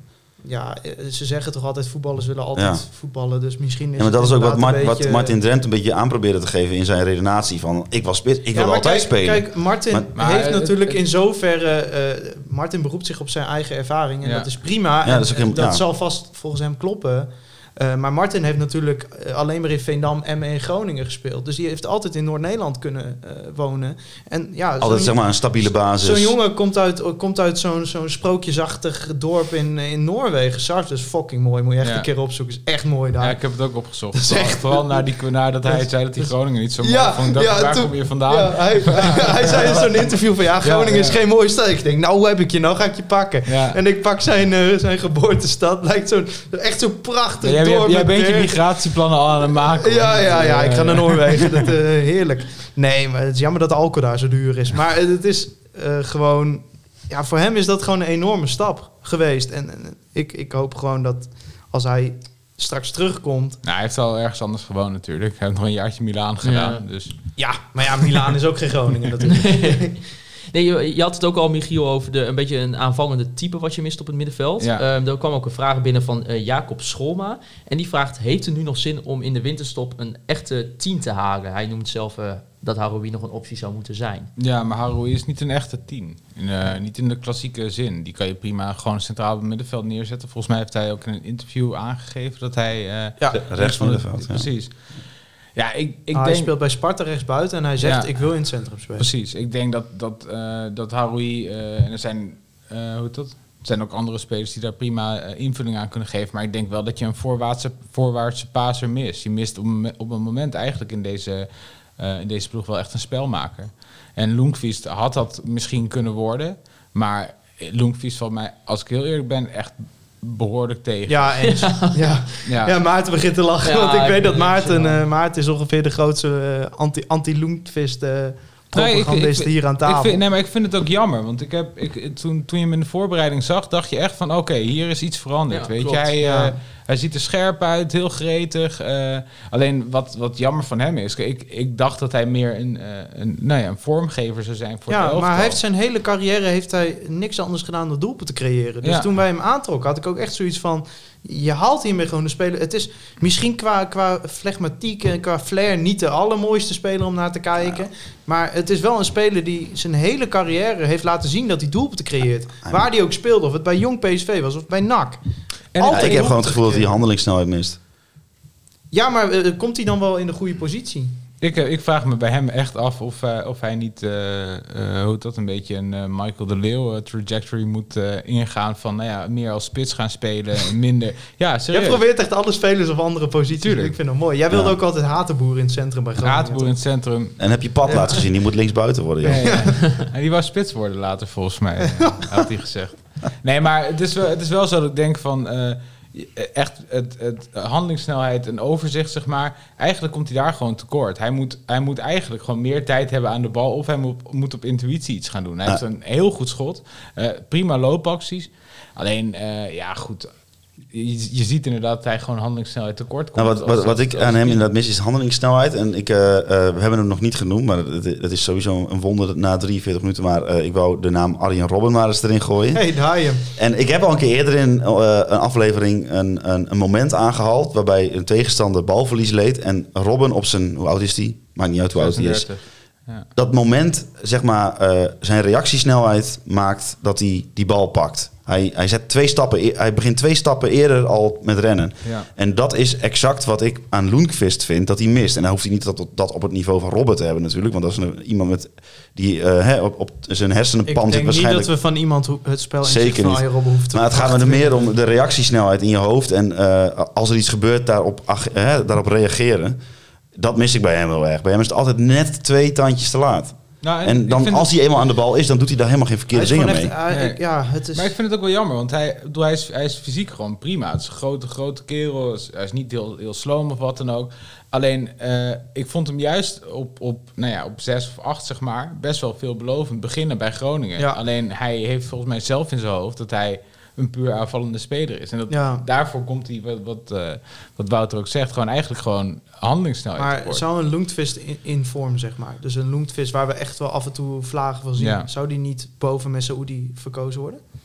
Dat weet ik niet. Je, je, hebt, je, je spreekt hier wel echt met een Messaoudi fanboy. Ja, dat dacht ik al. Maar, maar Messaoudi creëert natuurlijk niks. Eh, Messaoudi is heel nuttig, maar hij creëert niet. Hij zal zelf niet de beslissende paas geven. Als, als, Mes, als El Messaoudi gewoon even... Maar eh, eh, is dat al gebeurd dit seizoen? Ik vraag me af namelijk. Want ik heb bij El Messoudi echt het gevoel wat ik zeg... dat hij heel nuttig is om samen met Strand Larsen daar lekker gevaar te stichten... zodat die twee buitenspelers lekker veel ruimte hebben. Ja. Maar ik heb niet het gevoel dat je met Messoudi een speler hebt... die even eh, vier man uitspeelt met één paas, zeg maar. Nee, het- als paaser is er niet heel veel bijzonders. Het is wel... Het is, wel Het is sowieso een hele rare speler Ja. Maar als, Ja, bij, als bij hem in de eindfase, ja, dat is weer zo'n typische FC Groningen analyse momenteel. Maar als er een paar balletjes net anders vallen en als hij misschien net iets meer rust bewaart in de afronding of in de beslissende paas, dan, is de, kijk, je, dan kijk je echt naar een, naar een echt een hele Maar goede ik, ik zou bijvoorbeeld, als ik Danny Buis was, zou ik nu ook gewoon overwegen om El Messoudi gewoon nu Dammers geschorst gaat worden binnenkort vanwege zijn vijfde gele kaart. Van zet Messoudi er maar naast. Daarna, naast Naast. Ko. Ja, precies. Niet, naast, niet eh, als wissel. Nee, niet als wissel. Nee, nee, maar maar, negen mensen spelen. Ja. Een compleet nieuw eh, plan. nee, want ja, ik, heeft Dammers zijn vijfde al trouwens? Nee, nee, nee. Heeft Nee, nee, maar ja, dat zit er gezien, En, eh, gezien zijn track record natuurlijk wel aan. Nou, nee, ik denk dat hij er geen één meer pakt dit jaar. Zullen we daar een weddenschap op zetten? Nou, is goed. Flesje wijn? Noors volkslied, gewoon ook weer. Nee, flesje wijn? Ja, is goed. Ja, is goed. Nou, niet onder de 10 euro, hè? Oké, Nee, nee, nee. is goed. Jij moet hem betalen, vriend. Maar mij niet uit. Ja, ik wou zeggen, dit Nee, is hij echt, pakt eh, geen dit- geel meer. Dit is echt de, Hij is geleerd. dit is echt de Telt- slechtste weddenschap. mee of niet? Nee, rood telt. Het gaat om gele kaarten. Nou, dat vind ik ook prima. Wat ga jij voor lul staan? Ja, we hebben nog het seizoen, 25 eh? wedstrijden te gaan, joh, mafkees. Nee, maar hij gaat geen geel meer Ja, pakken. ik vind het niet erg hoor, maar... eh, Maar het, laten we het wel wezen, het wordt niet, niet per gele kaart nu een fles wijn. Nee, één- nee, nee. één gele kaart is direct flesje wijn. Ja, ja, ja. Mag ik wel helpen met opdrinken? Ja. Oké, mooi. Kastian Oudman die had een vraag over eh, Remco Balk. En die zegt, Buis vindt Balk beter in het centrum dan op de bank. Is Jongsma het hiermee eens? Op de bank of op of de op flank? de flank? Wow. Op de flank natuurlijk. Is Jongsma het hiermee eens? Eh, dat vind ik heel moeilijk in te schatten. Daarvoor heb ik hem niet eh, genoeg zien voetballen. Ik denk, dat, dat, ik denk niet dat hij een pure flankspeler is, nee. Maar Maar ook geen spits. het is gewoon een hele rare voetballer. In de zin van, eh, weet je, je, je merkt ook, iedereen is gecharmeerd van hem. Ik denk dat er eh, op Arjen Robben na eh, geen speler vaker in de Fox Sports studio's is besproken dan, eh, Ja. dan Remco Balk. Helpt het ook wel dat hij tegen. Ajax heeft gescoord? Maar hij is, gewoon, hij, is gewoon, hij is een aanvaller. Ja, En volgens mij is dat ook het, echt het enige label wat je echt op hem kan Ja, plakken. maar hij is echt zo'n heerlijk ettertje voorin. Dat hebben we toch tegen Twente gezien Ja, met die actie dat hij hem even zo om zo'n speler heen legt. En dan, ja, Maar ik, is ja, gewoon- ik, ik heb altijd eh, eh, vergelijkingen, Thijs, waarvan jij meteen al, altijd denkt van hou maar, maar op. Maar ik heb, Ja, altijd, ik- ik heb nu de vergelijking met hem. Dan denk ik aan de, aan de Liverpool aanval. Dan heb je eh, F- Firmino, eh, Salah en, en Mané. Dat zijn eigenlijk ook alle drie een beetje ondefinieerbare aanvallers. Maar het zijn aanvallers. ja. ja. En dat, dat gevoel heb ik met hem ook. Je kunt hem niet echt in een hokje duwen. Het is gewoon een aanvaller. ja. Probeer je hem nu naar Liverpool te Nee, nee, nee, nee, nee, dat, nee, nee, nee. Ah, wie betaalt, bepaalt natuurlijk. Ja, maar diezelfde Kastian Oudman, die... die Die heeft alweer, heeft weer vier Nou, vragen nee, ingesteld. nee, ik, wil nog heel kort even over Oh. bal. Kijk, het, het, het punt is, je kan hem prima op de flank neerzetten. Alleen ik denk niet dat als jij veel aan de bal bent, dat je hem eh, graag opstelt. Ik denk dat hij... Het is wel grappig, want van tevoren denk je van... Nou ja, we gaan Gronings talent eh, sparen voor de topwedstrijden. Denk je aan een iets andere speler dan Remco Balk. Maar eh, dat hij is nu... Hij is, hij is pas twee keer begonnen. Het zijn Ja. wel Ajax en Feyenoord geweest. En ik vind dat hij in beide wedstrijden zich heel goed heeft laten Ja. zien. Ja, echt wel. Alleen je kan je wel afvragen als je hem eh, tegen Fortuna of VVV, weet je, waar, waar je In- verwacht wat meer de bal te Precies. hebben, of hij diezelfde functie heeft. Maar het is wat dat betreft wel een lekkere buisspeler ook. Want in de wedstrijden Zeker. dat we geen initiatief hebben, is het natuurlijk heerlijk om Remco Balk. Het lijkt me als verdediger vreselijk. ja, zeker. Als- je moet opbouwen en je hebt de hele tijd Remco Balk in je nek. Ja, dat, dat, dat maar daarom dan- vind ik het ook wel gek dat hij niet vaker in de laatste 20 minuten gebracht wordt. Omdat Ja, nee, volgens mij op het moment dat je eh, eh, voor staat bijvoorbeeld tegen eh VVV of Fortuna, wat, toen speelde hij niet hè? Nee, toen is, ja, toen is Ja, hij hij wel één een minuut minuut, ja, eh, minuten. Ja, dan, Ja, maar dan, ik- breekt hij dus ja, koer. Maar dan denk ik van, dan moet je misschien, dan kun je misschien juist balk brengen, want dan zou ik als centrale verdediger helemaal knettergek worden. Ja, dan ga je op een gegeven moment toch pompen. Ja, maar ik denk dat, dat de vrees daarbij is dat Balk, Balk is gewoon een hele agressieve, jagende speler. Dat hij denkt van nou, die loopt snel uit positie. Dat denk ik hoor. Ja, Of- precies, Of, ja. je het ermee Ja, eens maar ik ben wel, eh, maar af en toe eh, mag er ook wel een beetje initiatief getoond worden. Eh, het is wel vaak op het moment dat we voorstaan. Dat, toen, toen het 2-0 werd tegen VVV, toen kon je eigenlijk al invullen van... nou, er gaat echt niet nu gejaagd worden op een 3 of 4. nee. Terwijl ik, ik denk dat het momentum er in die wedstrijd toen wel naar was. Nou, maar dat is ook wel interessant. En tegen hebben- Fortuna ook. Hier hebben we die podcast gehad met Adrie Poldervaart een, eh, een eh, aantal maanden geleden. Waarbij hij zei van ja, we hebben ook minder gescoord dan dat we eh, nou ja, op basis van onze kansen hadden moeten scoren. Gewoon expected goals, dat soort dingen. Dat klopt ook wel. Alleen als ze dat wel hadden gehaald, was het nog steeds niet heel veel. zeg maar. Nee. En dat is een beetje, een beetje de tragiek van, van, van, eh, van dit elftal. Eh, Groningen weet niet hoe zij eh, het spel moeten opengooien. Want als FC Groningen meer kansen gaat creëren, gaat het altijd ten koste van de verdediger. Precies, maar dat is toch ook een beetje. Ik bedoel, ja, En als, oh, ja, daarom. Maar als, als Danny Buis dit op kon lossen, dan was hij geen trainer van FC Groningen. Nee. nee.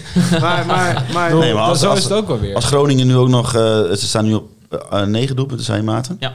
Als ze nu ook nog 20 doelpunten hadden gescoord de afgelopen wedstrijd, Ja, dan sta je gewoon eerste. Dus Ja. dan ben je gewoon, Maar- en dan ben je dus het beste elftal van de, De- Eredivisie. Maar dat is Groningen niet. nee, maar dat, dat maar is ze zijn wel ergens heel goed in. Als je kijkt naar afgelopen jaar, je hebt, je hebt, eh, eh, je hebt gewoon voor het eerst in de historie heb je gewoon minder dan een doelpunt per wedstrijd tegen, volgens mij. ja, terwijl onder, onder Faber moesten we uitkijken dat de, de tegendoelpunten niet tegen de plint omhoog Ja, precies. in het eigen En, dat, en dat, eh. is, dat is echt zo bijzonder. Als je eh, gewoon, hoe heet dat, de, gewoon die statistiek ook bekijkt, zeg maar. Je, je ziet gewoon zo'n duidelijk dalende lijn. Je krijgt veel minder kansen tegen. De kwa- kwaliteit van de kansen is lager. Tot, in dat opzicht is Danny Buis gewoon een hele goede trainer. Verdedigend, bedoel, en dat, dat is, vind ik iets waar je ook eh, rekening mee moet houden als, eh, eh, hoe dat, als, als, als technisch directeur of wat dan ook.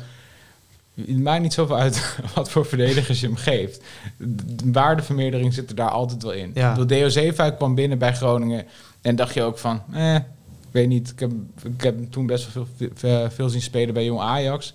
Ja, geen bijzondere verdediger. Echt niet. Die mocht één keer invallen bij het grote Ajax en dat was direct duidelijk. Tegen AZ, ja. Dat Ja. was echt rampzalig. Dat je dacht van, en deze gast komt bij Groningen. Weet je, dat gevoel Ja, had je. die is nu eh, aanvoerder van eh, eh. Jong Oranje, speelt in de Duitse competitie bij een van de tien. Ja, maar niet heel ik, goed. ik maar- zou, als ik nu een jonge verdediger was in Nederland en ik was niet goed genoeg voor de top, dan zou ik altijd denken, ja, als je, als je, als je, breng me maar naar Groningen. Als je nu kijkt naar Django Warmerdam, die eh, nu net lang genoeg weg is om te vergeten wat hij heeft geleerd van Danny Buis. Die begon redelijk bij Utrecht. Momenteel, mensen zeggen, die gast kan niet verdedigen. Nee, maar dat, ja, dat kon die ook niet. Nee, maar en dat is gewoon super knap. En eh, hoe dat daarom denk ik ook wel, die kwaliteit moet je gewoon heel erg koesteren. Ja. Je hebt gewoon een trainer die een verdediging weet neer te zetten. Eh, bij Groningen ben je gewend dat je eh, een trainer hebt die misschien wel weet hoe die moet aanvallen, maar Ja. niet hoe die moet verdedigen.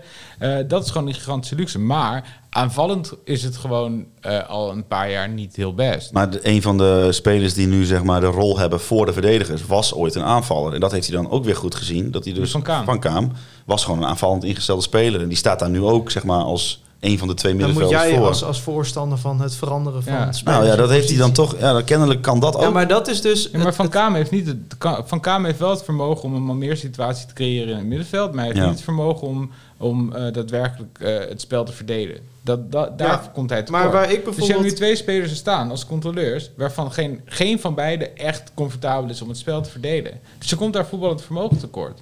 En heb je, eh, heb je een Messaoudi daar nog voor? Dus ja, dus En- Haroui... maar heb je, iemand, heb je Haroui- iemand in je hoofd waarvan je denkt, ja, hij moet dan ook Nee, betaalbaar maar zijn. conclusie, Haroui zou een goede Ja. aankoop zijn. Ja, Rui zou een goede aankoop zijn. Ik denk eh, hoe dat, nou ja, goed, als je het hebt over dat soort spelers. Kijk, het lullig is een beetje, het gaat heel erg snel ten koste van eh, wat je nu al hebt. Ja. En in welke mate ga je daarin investeren? Eh, en ik denk in dat opzicht, kijk, Stan Lars is natuurlijk ook geen goedkope aankoop geweest. Nee. En ik ben ook heel blij dat ze ervoor hebben gekozen om daarin te investeren. Want eh, ik denk dat je juist heel erg moet kijken van, nou ja, waar hebben we, waar hebben we spelers die een goede investering Ik zie zijn? daar wel een vrij grote waarschijnlijkheid dat hij zijn investering wel gaat terugbetalen. Dat denk ik ook, ja. Ja. Nee, maar je kan, het zou nu best wel, best wel lonend kunnen zijn om juist echt een, gewoon een topper te halen op een buitenspelerpositie of misschien inderdaad nog een tiener bij. Want dat is wel een beetje het punt. Eh, hoe dat, eh, je, je- dat eh, Van Kaam eh, viel geblesseerd uit tegen Fortuna. Ja, En dan ga je nadenken van nou, wie moet daar gaan spelen als hij niet fit is voor Feyenoord. ja Loengvist. Ja, daar houdt het wel een beetje bij op. Ja. Ja, dan had je vorig jaar nog een keer Van der Looy kunnen zeggen. Ja, maar dan had je... Ja, Ja, en dat vind ik ook wel Maar jammer hoor. Ik bedoel, Van der Looy is, Van der Looy is wel echt gewoon... Ja, want die had ik ook opgesteld als Dammers eruit was gegaan. Als Dammers Ja. eh, die, die gele kaart zou pakken, maar die, goed, die die niet heeft- gaat pakken Van der. Looy heeft gewoon een droomtransfer gekregen. Ja. ja, ja, fantastisch. ja, Ja, zeker. maar Van der Looy voelde ook wel als, als van als je Matasiwa moet vervangen straks, ja, dat is niet best. dan kan Dat- je dat Van der Looy moeilijk en die moet je vervangen aan het eind van volgend Ja, seizoen. en Ja, dan, dan aan het Van eind van dit seizoen. Daar had je Van der Looy prima neer kunnen zetten. Van der Looy, eh, hoe, hoe goed hij wordt, weet je natuurlijk niet. Maar het is een prima voetballer voor FC Groningen. Alleen Maar- hij heeft gewoon de pech dat op zijn positie er iemand rondloopt die eh, per definitie het niveau FC Groningen gaat ontstijgen. Ja. Maar Maar om, om even over, over zeg maar, het verdedigende aspect van de trainer Danny Buis Ja. te hebben. Kijk, je kunt heel erg die nadruk leggen. En dat is ook mijn, mijn hele mening over. Want je hebt zeg maar de, de, het Groningen publiek, als ik, ik lees veel fora en dat soort dingen, is niet heel rechtlijnig over, over Danny Buis. Van dat Nee. vinden we een goede trainer of niet. Maar wat mijn persoonlijke mening is, nou, ik vind Danny Buis wel een goede trainer.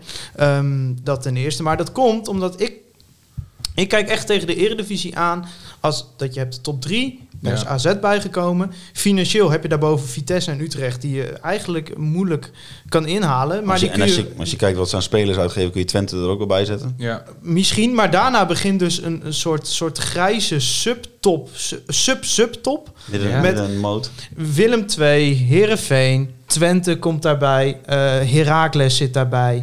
Eh, misschien Fortuna als ze die investeringen om weten te zetten in echt een goed elftal op termijn. Eh Emmen als ze deze lijn doorzetten. Dat is gewoon heel moeilijk om daar bovenuit te steken. En ik denk dat de manier om daar bovenuit te steken is door iets anders te doen. Ja. Als Ik- je die aansluiting met Utrecht en Vitesse wil, en ik denk dat dat voor Groningen nog steeds met minder mogelijkheden mogelijk is. Nou, ik denk dat, eh, dat als, als Wouter Gudde dit hoort, dat die, dat, dat, dat, die wil dat. Die eh, denkt van, eh, fuck Utrecht Ja, maar je en moet AZ, dus, je moet dus wat anders doen. En dat andere kan zijn als je in Italië naar Atalanta Bergamo kijkt. Dat je met, een, met, een, met, met supersonisch raketvoetbal eh, eigenlijk eh, daar eh, hoge ogen gooit. En daardoor een beetje de status quo eh, doorbreekt. Maar ik geloof er dus heilig in dat Groningen met Buis iemand in huis heeft die juist met verdedigend voetbal. eh, Mag je niet zeggen status- van eh, A3. Nee, het is niet verdedigend. Het is absoluut wel verdedigend.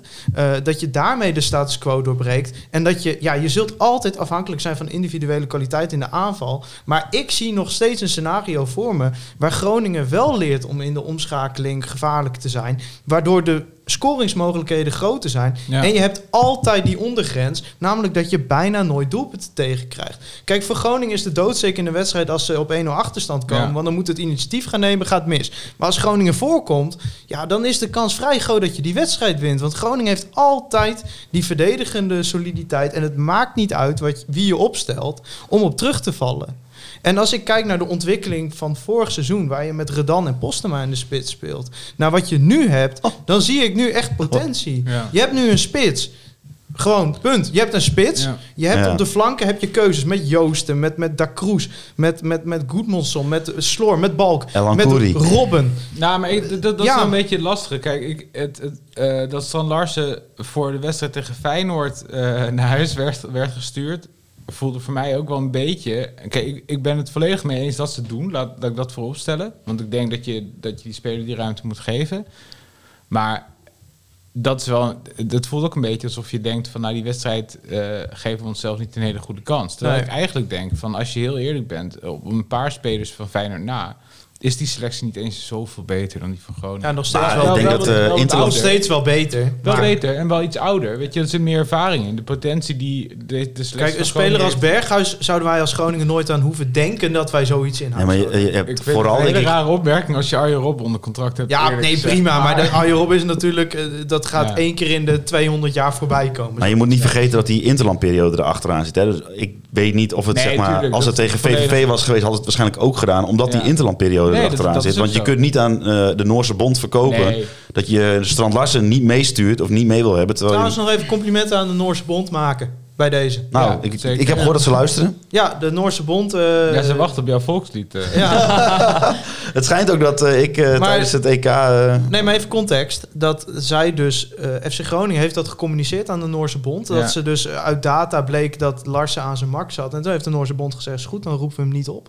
Nou, vind ik klasse. ik zoek even het, eh, Dat vind het, ik, want het is, het, het is voor mij voor een, een, een enorme eh, frustratie al jaren. En ik heb sowieso eigenlijk niet zoveel met interlandvoetbal. Maar zeker nu niet, dat, dat, je dan weer spelers geblesseerd terugkrijgt. Ja. En, en ja, er is meestal, heb ik zo'n gevoel dat interland voetbal wordt altijd een beetje door die bonden een beetje verheven boven clubvoetbal. Terwijl ik denk, ja, clubs betalen het salaris. Die spelers spelen 9 van de 10 keer als ze een wedstrijd spelen, spelen ze voor een club. Ja. En er wordt altijd een beetje zo'n zo'n zo'n zo'n eh, ja, onschendbaarheid voor bonden.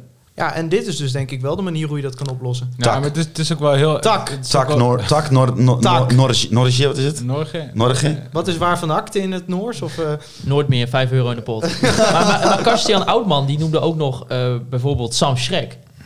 Where he at? Waar is hij? Wat doet hij? Moeten we die niet gewoon verhuren aan een derde Bundesliga-club voor een jaar? Dan kan hij terug naar Duitsland. Is er Maar- in de buurt, van Leverkusen... Nee, maar wat- wat ik waar wel- die- is er in de buurt van Leverkusen een derde Bundesliga? Waarom ik komt hij niet in de 80ste minuut voor eh El Messaoudi bijvoorbeeld? Bijvoorbeeld, Ja, ik noem maar wat. Waar is hij? eigenlijk echt precies wat ik eigenlijk niet, niet letterlijk dat, maar het, je, je kan je wel afvragen van eigenlijk past hij in dit systeem prima, want superveel energie, goede techniek, Ja, veel dribbles. snel, Ja. veel dribbles. Dus hij zou er best wel veel te kunnen toevoegen op de Ja, teampositie. dus in, eh, eh, we vragen ons wel eens af of eh El Hankouri naaktfoto's van Buis heeft. Maar ik vraag me wel eens af wat, eh wat, wat Shrek niet van Buis heeft. Nee, Ja, hier- Ja, nou nee. ja. Heeft, heeft hij iets gedaan? Heeft hij iets bij hem geflikt of zo? ik, ik weet het niet. Eh, Misschien ik, kan ik- Stefan ik, Misschien ik, ja. moet heel eerlijk toegeven, en zo ben ik ook wel, ik was hem vergeten. nou, ik denk nu dat jij het eh, zo noemt, denk ik ineens, oh ja, die Volgens mij, eh, voordat Ja. eh, Buis bij eh, hem samen, e- e- een tijdje samen heeft gewoon met Poldervaart, heeft hij aan eh, Sam Shrek gevraagd: kan, kan ik bij jou logeren? Die heeft Ja. gewoon gezegd: Ja. nee, je komt er niet in. Ik denk, dat moet het wel zijn. Ja. Maar als we nu even een beetje vooruit gaan blikken. Het, eh, we hebben, nou, denk ik, concluderend een goede seizoenstart gehad. Eh Ru- Ru- Rudolf Rubing die vroeg, nu FC Groningen best een goede start heeft eh, gehad, vraag ik mij af wat we kunnen verwachten van het rest van het seizoen. Wat denken jullie op dit moment, jongens? Uh, ja, ik denk dat. Ik, ik denk dat. Kijk, als je. Je hebt nu eigenlijk. Wat wel grappig is. Groningen en Herenveen staan op gelijke hoogte qua, qua punten, toch? Of staat Herenveen nog. Is het hoger. Nee, want ze staan wel, ja, die staan wel hoger, maar volgens mij qua punten niet, toch? Volgens Oh ja, Ja, drie punten. ja. Gat is drie punten. Maar ik denk dus als je gaat kijken naar, naar, naar eh, bijvoorbeeld Herenveen, Groningen, Twente, die staan allemaal een beetje bij elkaar. Eh, Ja. die, die, da- dat zijn drie ploegen waarvan je zegt die zijn goed begonnen. ja. Ik denk dat daarvan Twente en Groningen dat dat houdbaar is. En dat Herenveen nog een mindere periode gaat krijgen. Ja, maar Utrecht is er nog achter je. hè? Nee, dat bedoel ik. AZ. Die, AZ, Utrecht Ja. zullen uiteindelijk wel gewoon punten gaan pakken. Puur Nee. vanwege het feit dat ze kwaliteit hebben. Kijk, Heerenveen heeft een, Daarna is het eh, klaar. heeft een betere eerste, eh, eerste elf dan, eh, dan Twente. Ja, Eh, heeft ook misschien wel een betere eerste helft dan Groningen. Maar bij Groningen zit, Weet er wat, niet. meer, zit er wat meer rek in, zeg maar. Ja. Je, je moet even kijken hoe spelers zich verbeteren. Eh, het probleem voor Heerenveen is alleen blessures. Als Ja, maar Heerenveen als heeft zij, als zij nu blessures gaan krijgen... Weet je, Henk Veerman valt uit, Joey Veerman valt uit... zijn nog een paar andere jongens, dan ben je gewoon klaar. Maar wat, wat zij wel heel knap hebben gedaan... door de Benjamin Nigren bijvoorbeeld... die ze van eh, Genk volgens mij hebben gehuurd... die gast was echt het grootste talent van Zweden. En die mislukt, mislukt dan in eh, de Belgische competitie bij een, bij een club die gewoon echt gewoon no, Champions League moeilijk, speelt. Ja, maar het is echt een Ja. moeilijke club. ja.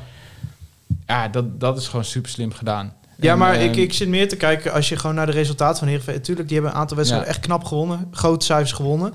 Maar op het moment dat ze echt getest worden... zijn ze elke keer onderuit gegaan.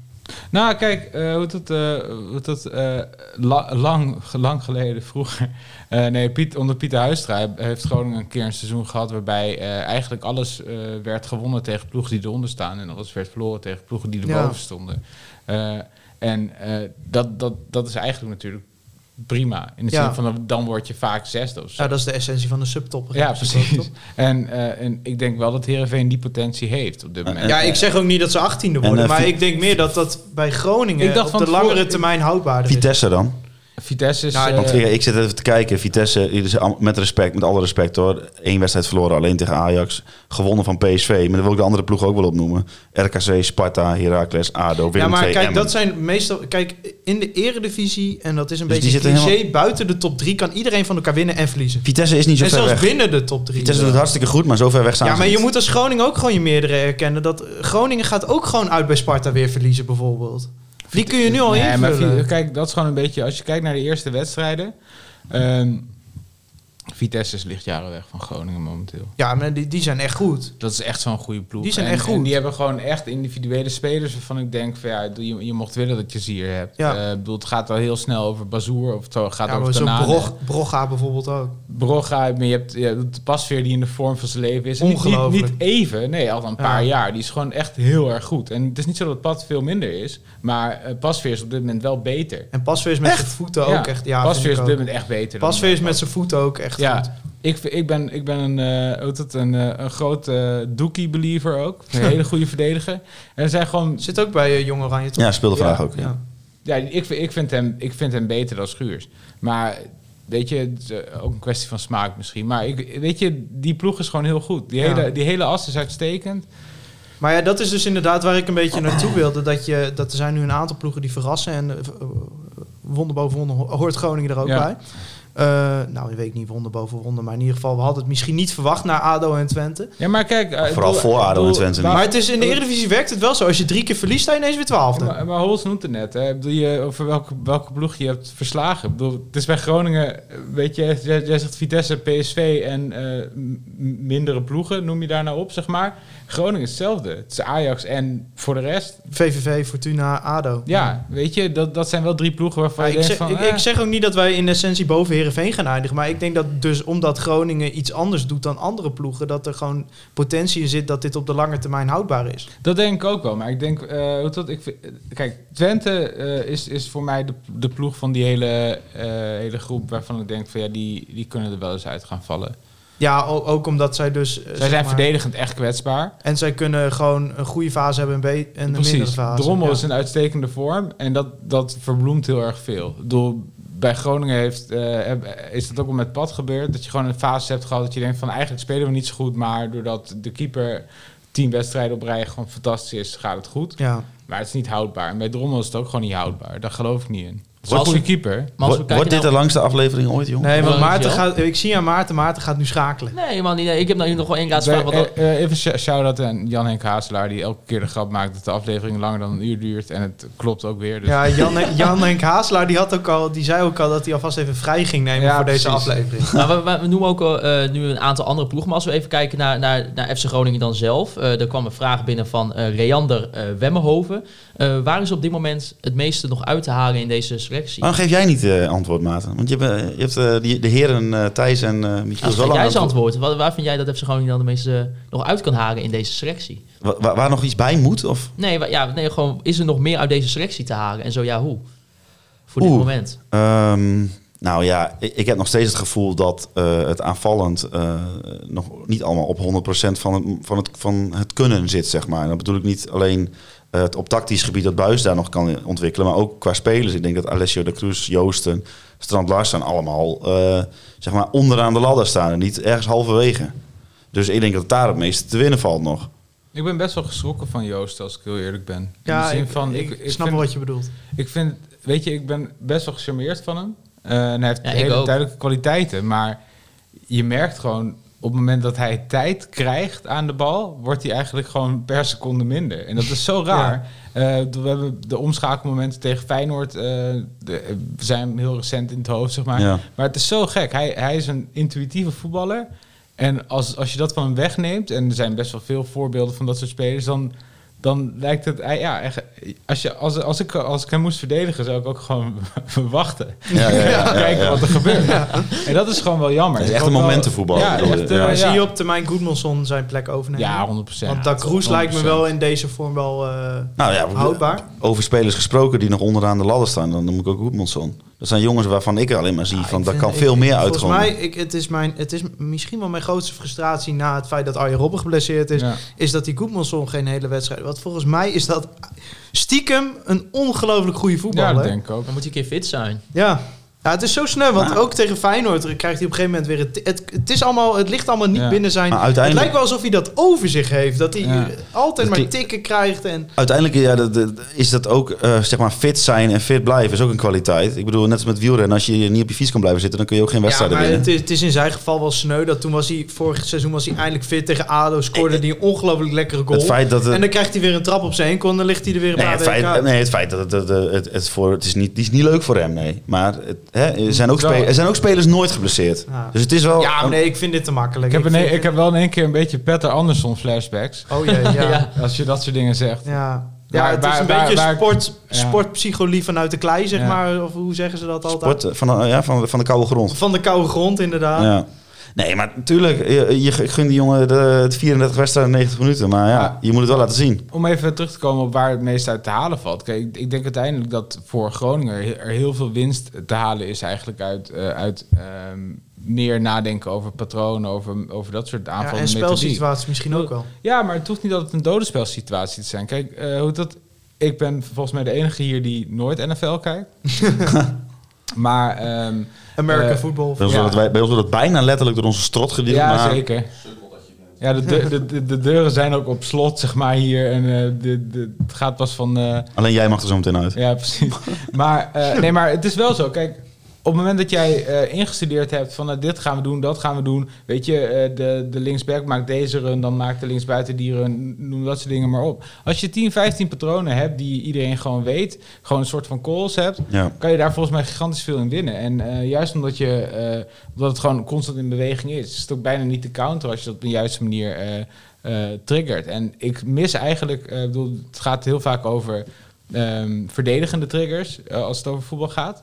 In de zin van, eh, weet je, die speler die stapt in, dat betekent dat een andere speler dit moet doen, zo gaan we druk zetten, dat soort dingen. Aanvallend kan je natuurlijk net zo, net zo gemakkelijk dat soort dingen ook doen.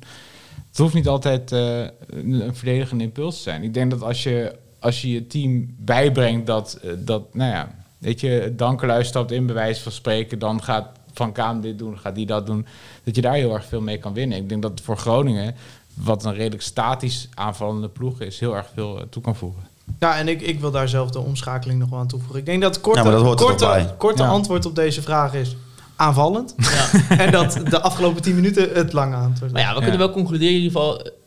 we- zijn wel positief. Dus hè, het we gaat, zijn gewoon, het positief, gaat gewoon we zijn goed. positief Ja. gestemd. Dus we, hebben, we hebben een spits. Dus het, het is gewoon Nou, het is ook gewoon, want we kunnen niet aan het stadion. En voor mij zijn, is daar ook nog een vraag over eh, binnengekomen. Ja, we geloof ik. zitten, we zitten veel meer naar het voetbal zelf te Je kijken. zit veel meer naar het voetbal zelf te. Ja. kijken. En ik moet zeggen, het is elke week eh, wel gewoon, ook omdat we die podcast natuurlijk maken, is het gewoon echt leuk. Ik, heb, ik kijk echt naar uit naar die wedstrijd. Zeker. Ja, maar je hebt nu bijvoorbeeld Strand Larsen. Dat zijn echt spelers waar, waardoor ik gewoon zin heb om die wedstrijd te kijken. Ja. Ja. En dan, ja, dat is wel jammer dat je niet naar het stadion kan. Nee, dat, Ja. Maar ja, dat, dat, sowieso dat jammer, blijft ja. eh, in Ja. het algemeen zo. Gaan we even reclame maken voor Robert Visser? Voor Robert Visser, want we hebben een, een leuke Sinterklaas- en kerstactie. En dan hebben we even wat om eh, een instartje. Een instartje. En dan mogen de... zagen geen hand meer voor de ogen door de groene rook en ik hoorde alleen nog maar kaartgezang uit de duizenden kelen om me heen. De stad was in extase. Zo bereiden wij ons als supporter van FC Groningen voor de bekerfinale. Ik ben Niels Hilboezem, supporter van FC Groningen. Lezen wij met vlaggen, gezang, doeken en heel veel kabaal de ploeg naar de overwinning schreeuwden in Cupcourts. Dat is het boek over de bekerfinale, geschreven door Robert Visser. Het is dit jaar een ideale Sinterklaas en kerstcadeau om terug te blikken op vijf jaar bekerwinst. Koop het in de fancorner bij de supportersvereniging, de lokale boekhandel of bol. Forza FC Groningen. Ja, Ja, nee, dit is, dat moet ik er even bij zeggen. Dit is eh, reclame waar wij indirect Ja. ook voor betaald krijgen. Wel Dus spon. dat- dat moet er wel, het is wel een sponsor Dit is, eh, Maar nou, zullen we mensen gewoon meenemen in dit proces? Hoe dit... Nou, dat kunnen we toch wel ja, doen. tuurlijk, zeker. Dat Robert die belde mij op een gegeven moment en die zegt van... Ja, ik wil dat jullie reclame maken voor mijn boek. En toen zei ik, ja, is goed, eh, willen we best doen. En eh, toen zei... als een eh, bedreiging dan toen- als een- ja. factuurtje. Ja, toen zei Robert van ja, maar ik, ik sta er wel op dat jullie daar wat eh, geld voor krijgen. En dat, dat, dat vonden wij in principe ook wel gewoon logisch. Weet je, kijk, als iemand. Kijk, Robert is gewoon ook gewoon een vriend van ons. Dus het is gewoon ook een vriendendienst. Nou, meer dan, hij is, meer, hij is misschien wel onze mentor. mentor. ons. Hij is de mentor van ons bedrijf bijvoorbeeld. Maar. Ja, het is natuurlijk wel zo. eh, ja, je moet op een gegeven moment ook gewoon onderscheid maken in wat. eh, kijk, als mensen hier een reclameboodschap willen noemen, dan moet er ook wat tegenover staan. Dus toen zijn we uiteindelijk tot de consensus gekomen dat wij een keer een dag wat leuks gaan doen met Robert en dat Robert dat betaalt. Hartstikke Ja, leuk. dus, eh, maar in ieder geval, Roberts boek is dus eh Cup Chords. Ik heb het zelf gelezen. Echt een tof Precies, boek. ja. Staat er zelf ook in. Zeker. Niet met een verhaal, maar wel met mijn naam. Ga je met. Sinterklaas of met kerst iemand een cadeau Ja, is geven die dit boek nog een- niet heeft? Echt, als je dat gelezen hebt. aanrader, ja. Ik heb dat gelezen in, in de Laat ons weer eens juichen actietijd daar. Dan heb je daarna echt het gevoel van... eh, er is maar één ding in mijn leven, dat is FC Groningen. En er staan echt toffe verhalen in. Er staan verhalen vanuit een meer harde kern. Er Ja, staan hij- verhalen in... Hij had jou dit moeten laten inspreken. Een, verhalen met een lach en een traan staan erin. Nee, het is echt een mooi boek. En dat zeg ik niet omdat Robert een vriend van ons is. En omdat we dus deze reclame maken. Het is echt een mooi boek. Ja, het en- staat in de show notes. Kun je het bestellen. Ja, en ook om even de positieve show nog even gewoon verder te laten lopen. Eh, mensen zagen het op Twitter verschijnen, op de op Twitterpagina van de supporter Bert Bos. Die had eh, via de veiling eh, een muurschildering gewonnen. Zo, eh, waarbij Ja. de Noordtribune of een aantal jongens van de Noordtribune Ja. dat eh, nou, op een plek zouden zetten. Ja, Nou, en daar kwam een foto uit Ja, van die muur. ja we zullen, zullen het linkje even in de show notes zetten? Ja, nou ja, in ieder geval zoek het ook op, op Twitter. At, eh, nou, ik weet niet of het Bert Bos is. ja, maar volgens, mij, via Bert volgens mij is het Bed Bos met dubbel S aan het Dat eind. zou kunnen.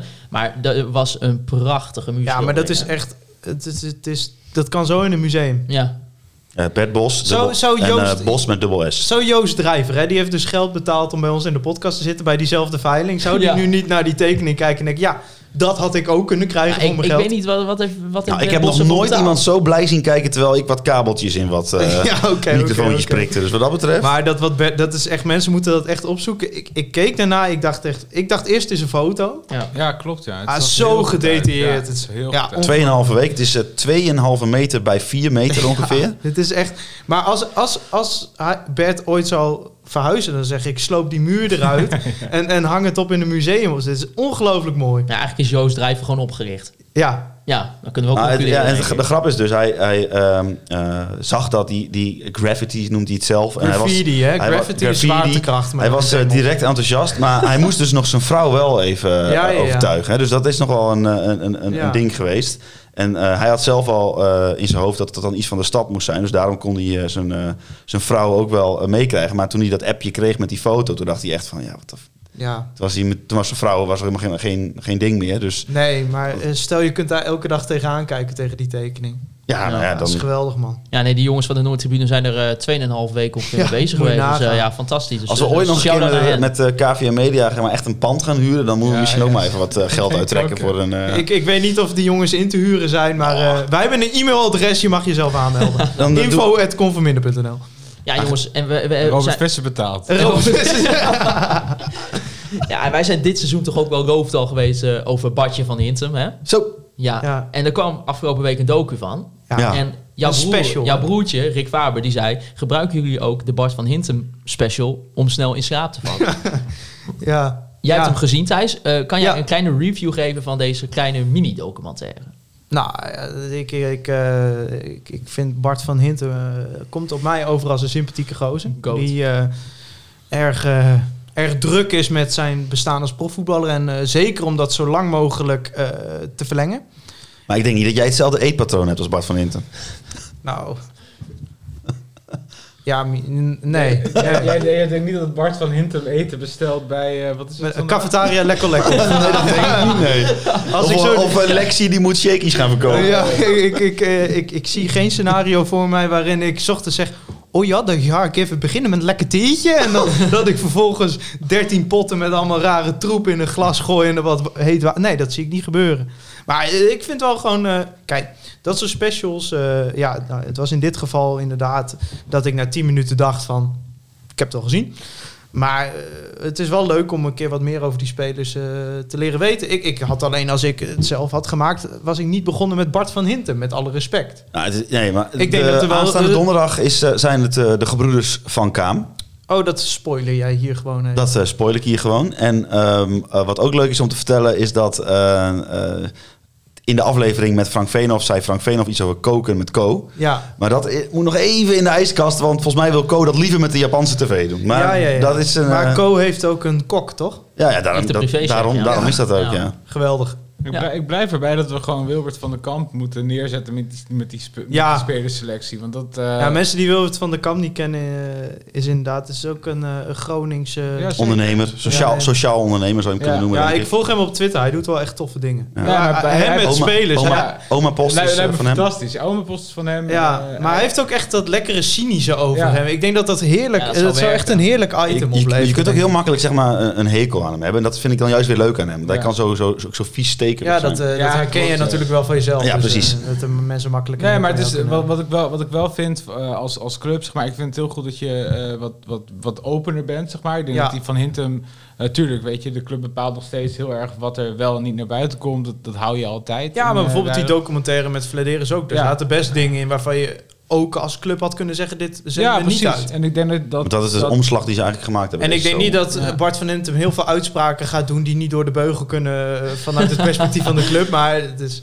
Nee, maar, kijk, Nee, maar we maken dit- Bart een dat- beetje dat- belachelijk nu, maar... Nee, maar... het dat- is natuurlijk wel mooi hoe hij voor zijn sport leeft. Ja, en als je gewoon wil weten hoe die spelers zijn, want dat, daar gaat het uiteindelijk om. hè. Het gaat uiteindelijk om dat je als supporter kom je een, spe, kun je, kom je een speler te leren kennen buiten het veld. En dat is wel gewoon heel goed gegaan in Ja. deze docu. Alleen ja, goed, als ik al die potjes en, en, en bakjes zie staan, dan krijg ik al een rolberoerte. Ja, ik Ja. weet niet eh, of je met hem even lekker een avondje de kroeg in kan. zeg. Nee, maar nou, ik- waarschijnlijk ik omdat ik, ik dan bier drink en hij shakejes, maar... eh, Maar ik denk, ik denk juist dat je als club ook gewoon iets meer het imago van je, van je, eh, van je stad, van je omgeving wel mag omarmen. En ik denk, eh doel, Groningen zelf als stad, zeg maar.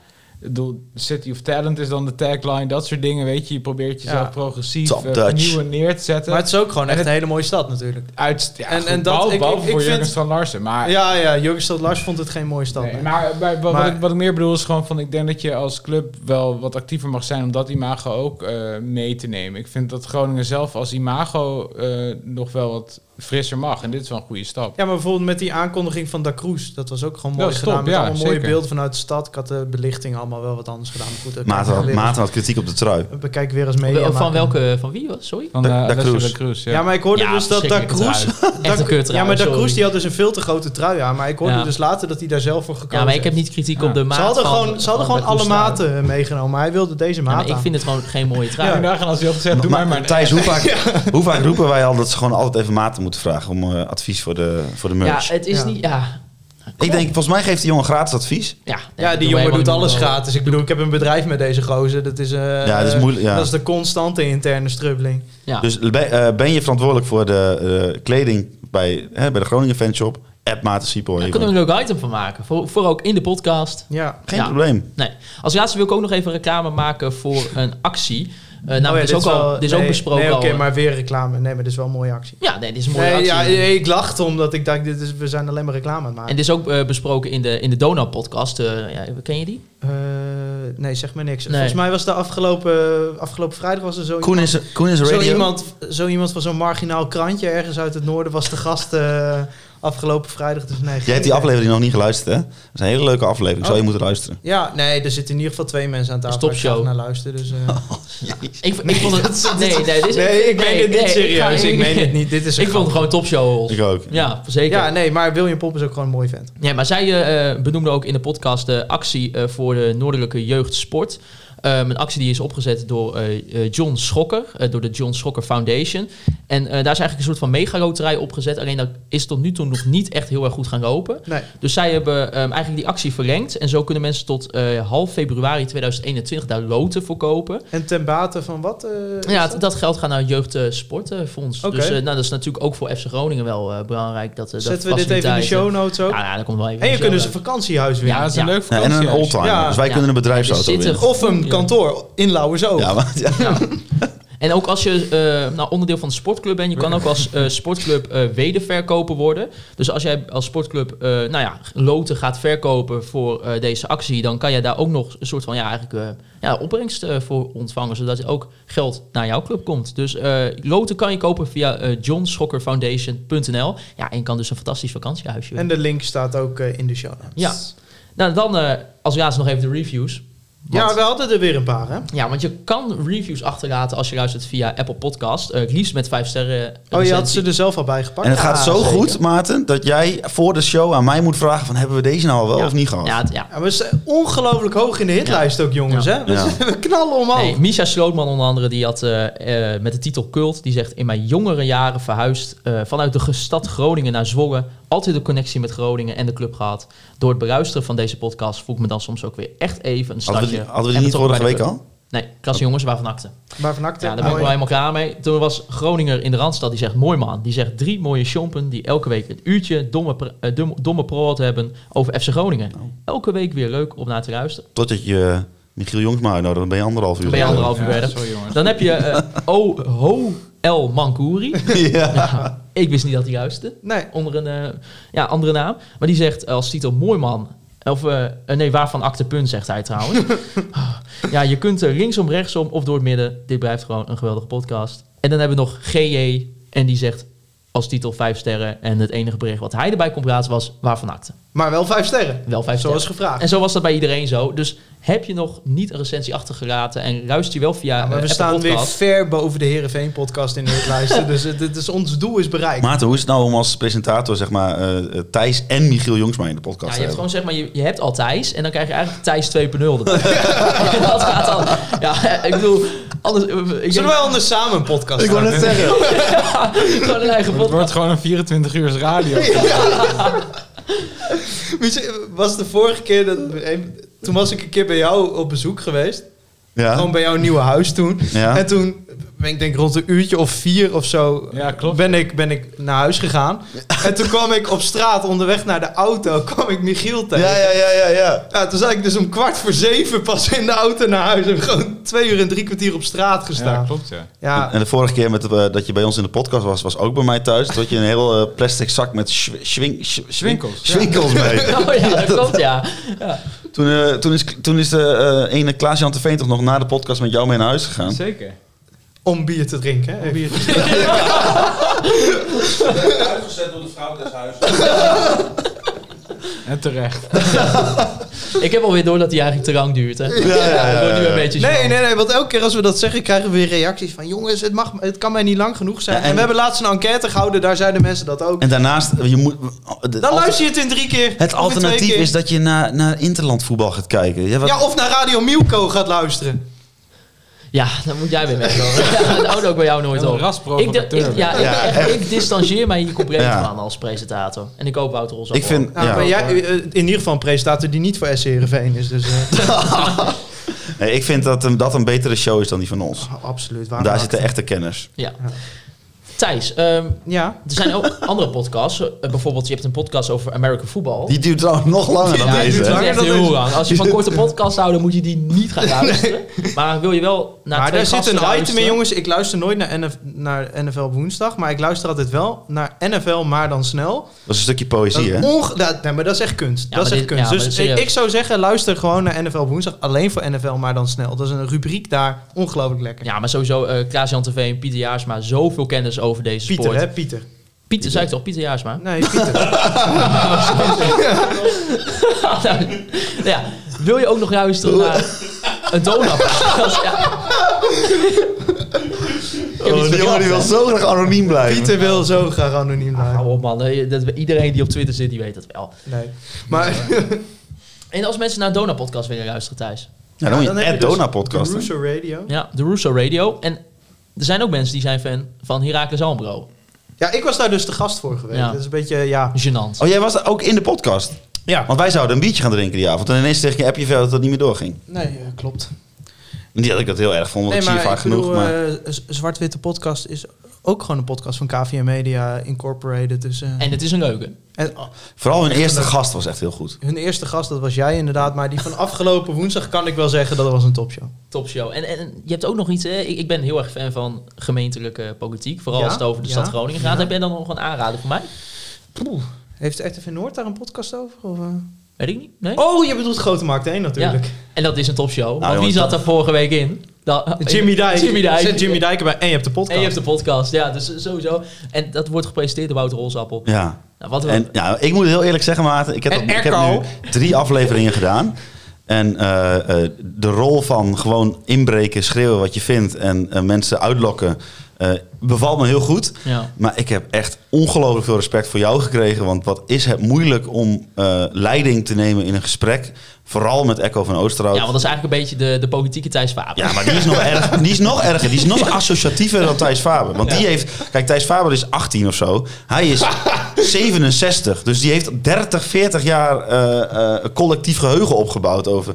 En echt, die, die, die tovert alle, alles uit de hoge hoed. Dus, ehm, nou goed. Als je geïnteresseerd bent, ga dat luisteren. Ja, ik zou het niet luisteren, maar goed. Nee, wel, natuurlijk wel.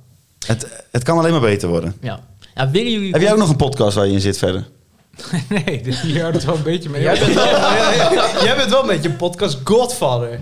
Ja, zeker. Jij was in 2012 al podcast aan het maken. Zeker. Echt waar? Ja. Zat je toen ook altijd zo ver van de microfoon af? Ja, zeker. Dat is het image, Nee, dat was wel, dat was wel, ehm, wel moeilijk. Ik, had, eh, het, ik heb toen een podcast eh, gehad over, eh, over, over, over voetbal, heel verrassend. Ja, Eh, hoe het, eh, Europees voetbal. En ik was echt gewoon 20 uur bezig met, eh, met informatie verzamelen. Gewoon voor mezelf en voor mijn gasten. En daar nog editen en dit en dat. Dus eigenlijk was dat... eh, ja, het was niet, niet de goede tijd voor een podcast. Maar eh, het was wel leuk om te doen. Ja, dat editen, dat doen wij niet eens. nee. Nee. Daarom duurt het ook weer anderhalf uur. Ja, klopt. Ja, je zou er ook stukjes kunnen knippen. Maar dat, is dus, dat doen wij niet. Maar bijvoorbeeld met die grote markt 1 doe ik dat wel. Ja, Daar haal ik stukken tussenuit en daar voeg ik dingen aan toe. Dus dat is wel... Dat is, Moet, dit na anderhalf uur nog besproken Ja, Ja, niet? ik denk dat we, dat we wel klaar zijn. Ja, maar- ah, dat bepaal jij Ja. niet, hè? Jij bent hier te gast.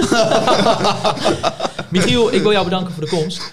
Het, hij was weer lang. Ja. Hij was weer heel lang. je gaat zo thuis eten, maar is het niet een beetje laat? Al, is het eten al koud? Of, eh? Hoe laat is het? Zes uur? Ja, Maar. ja, het mag wel. Nee, jullie kunnen Conforminder de podcast volgen op eh, Spotify, eh, Apple Podcasts. Laat er ook even 5 sterren review achter. En op Soundcloud. We zijn ook te vinden op alle social media kanalen. Facebook, eh, Instagram en Twitter. Jullie kunnen mij persoonlijk volgen op Twitter. Maarten, Siepel. Michiel Jongsma op Jongsma Jongsma. Wouter Holsappel, Wouter, of Holsappel, hè? Ja, Vergeet het, Ajax-fan for life. Ajax fan for life. En natuurlijk Ed Thijs, Raagstreepje Faber. Ik wil uh, Free Westerhof en Mark Pepping natuurlijk wederom bedanken voor de intro en outro muziek. En als laatste wil ik jullie, de luisteraars, bedanken voor het luisteren naar Conforminder, de podcast. Juichen als het Groningen weer scoort.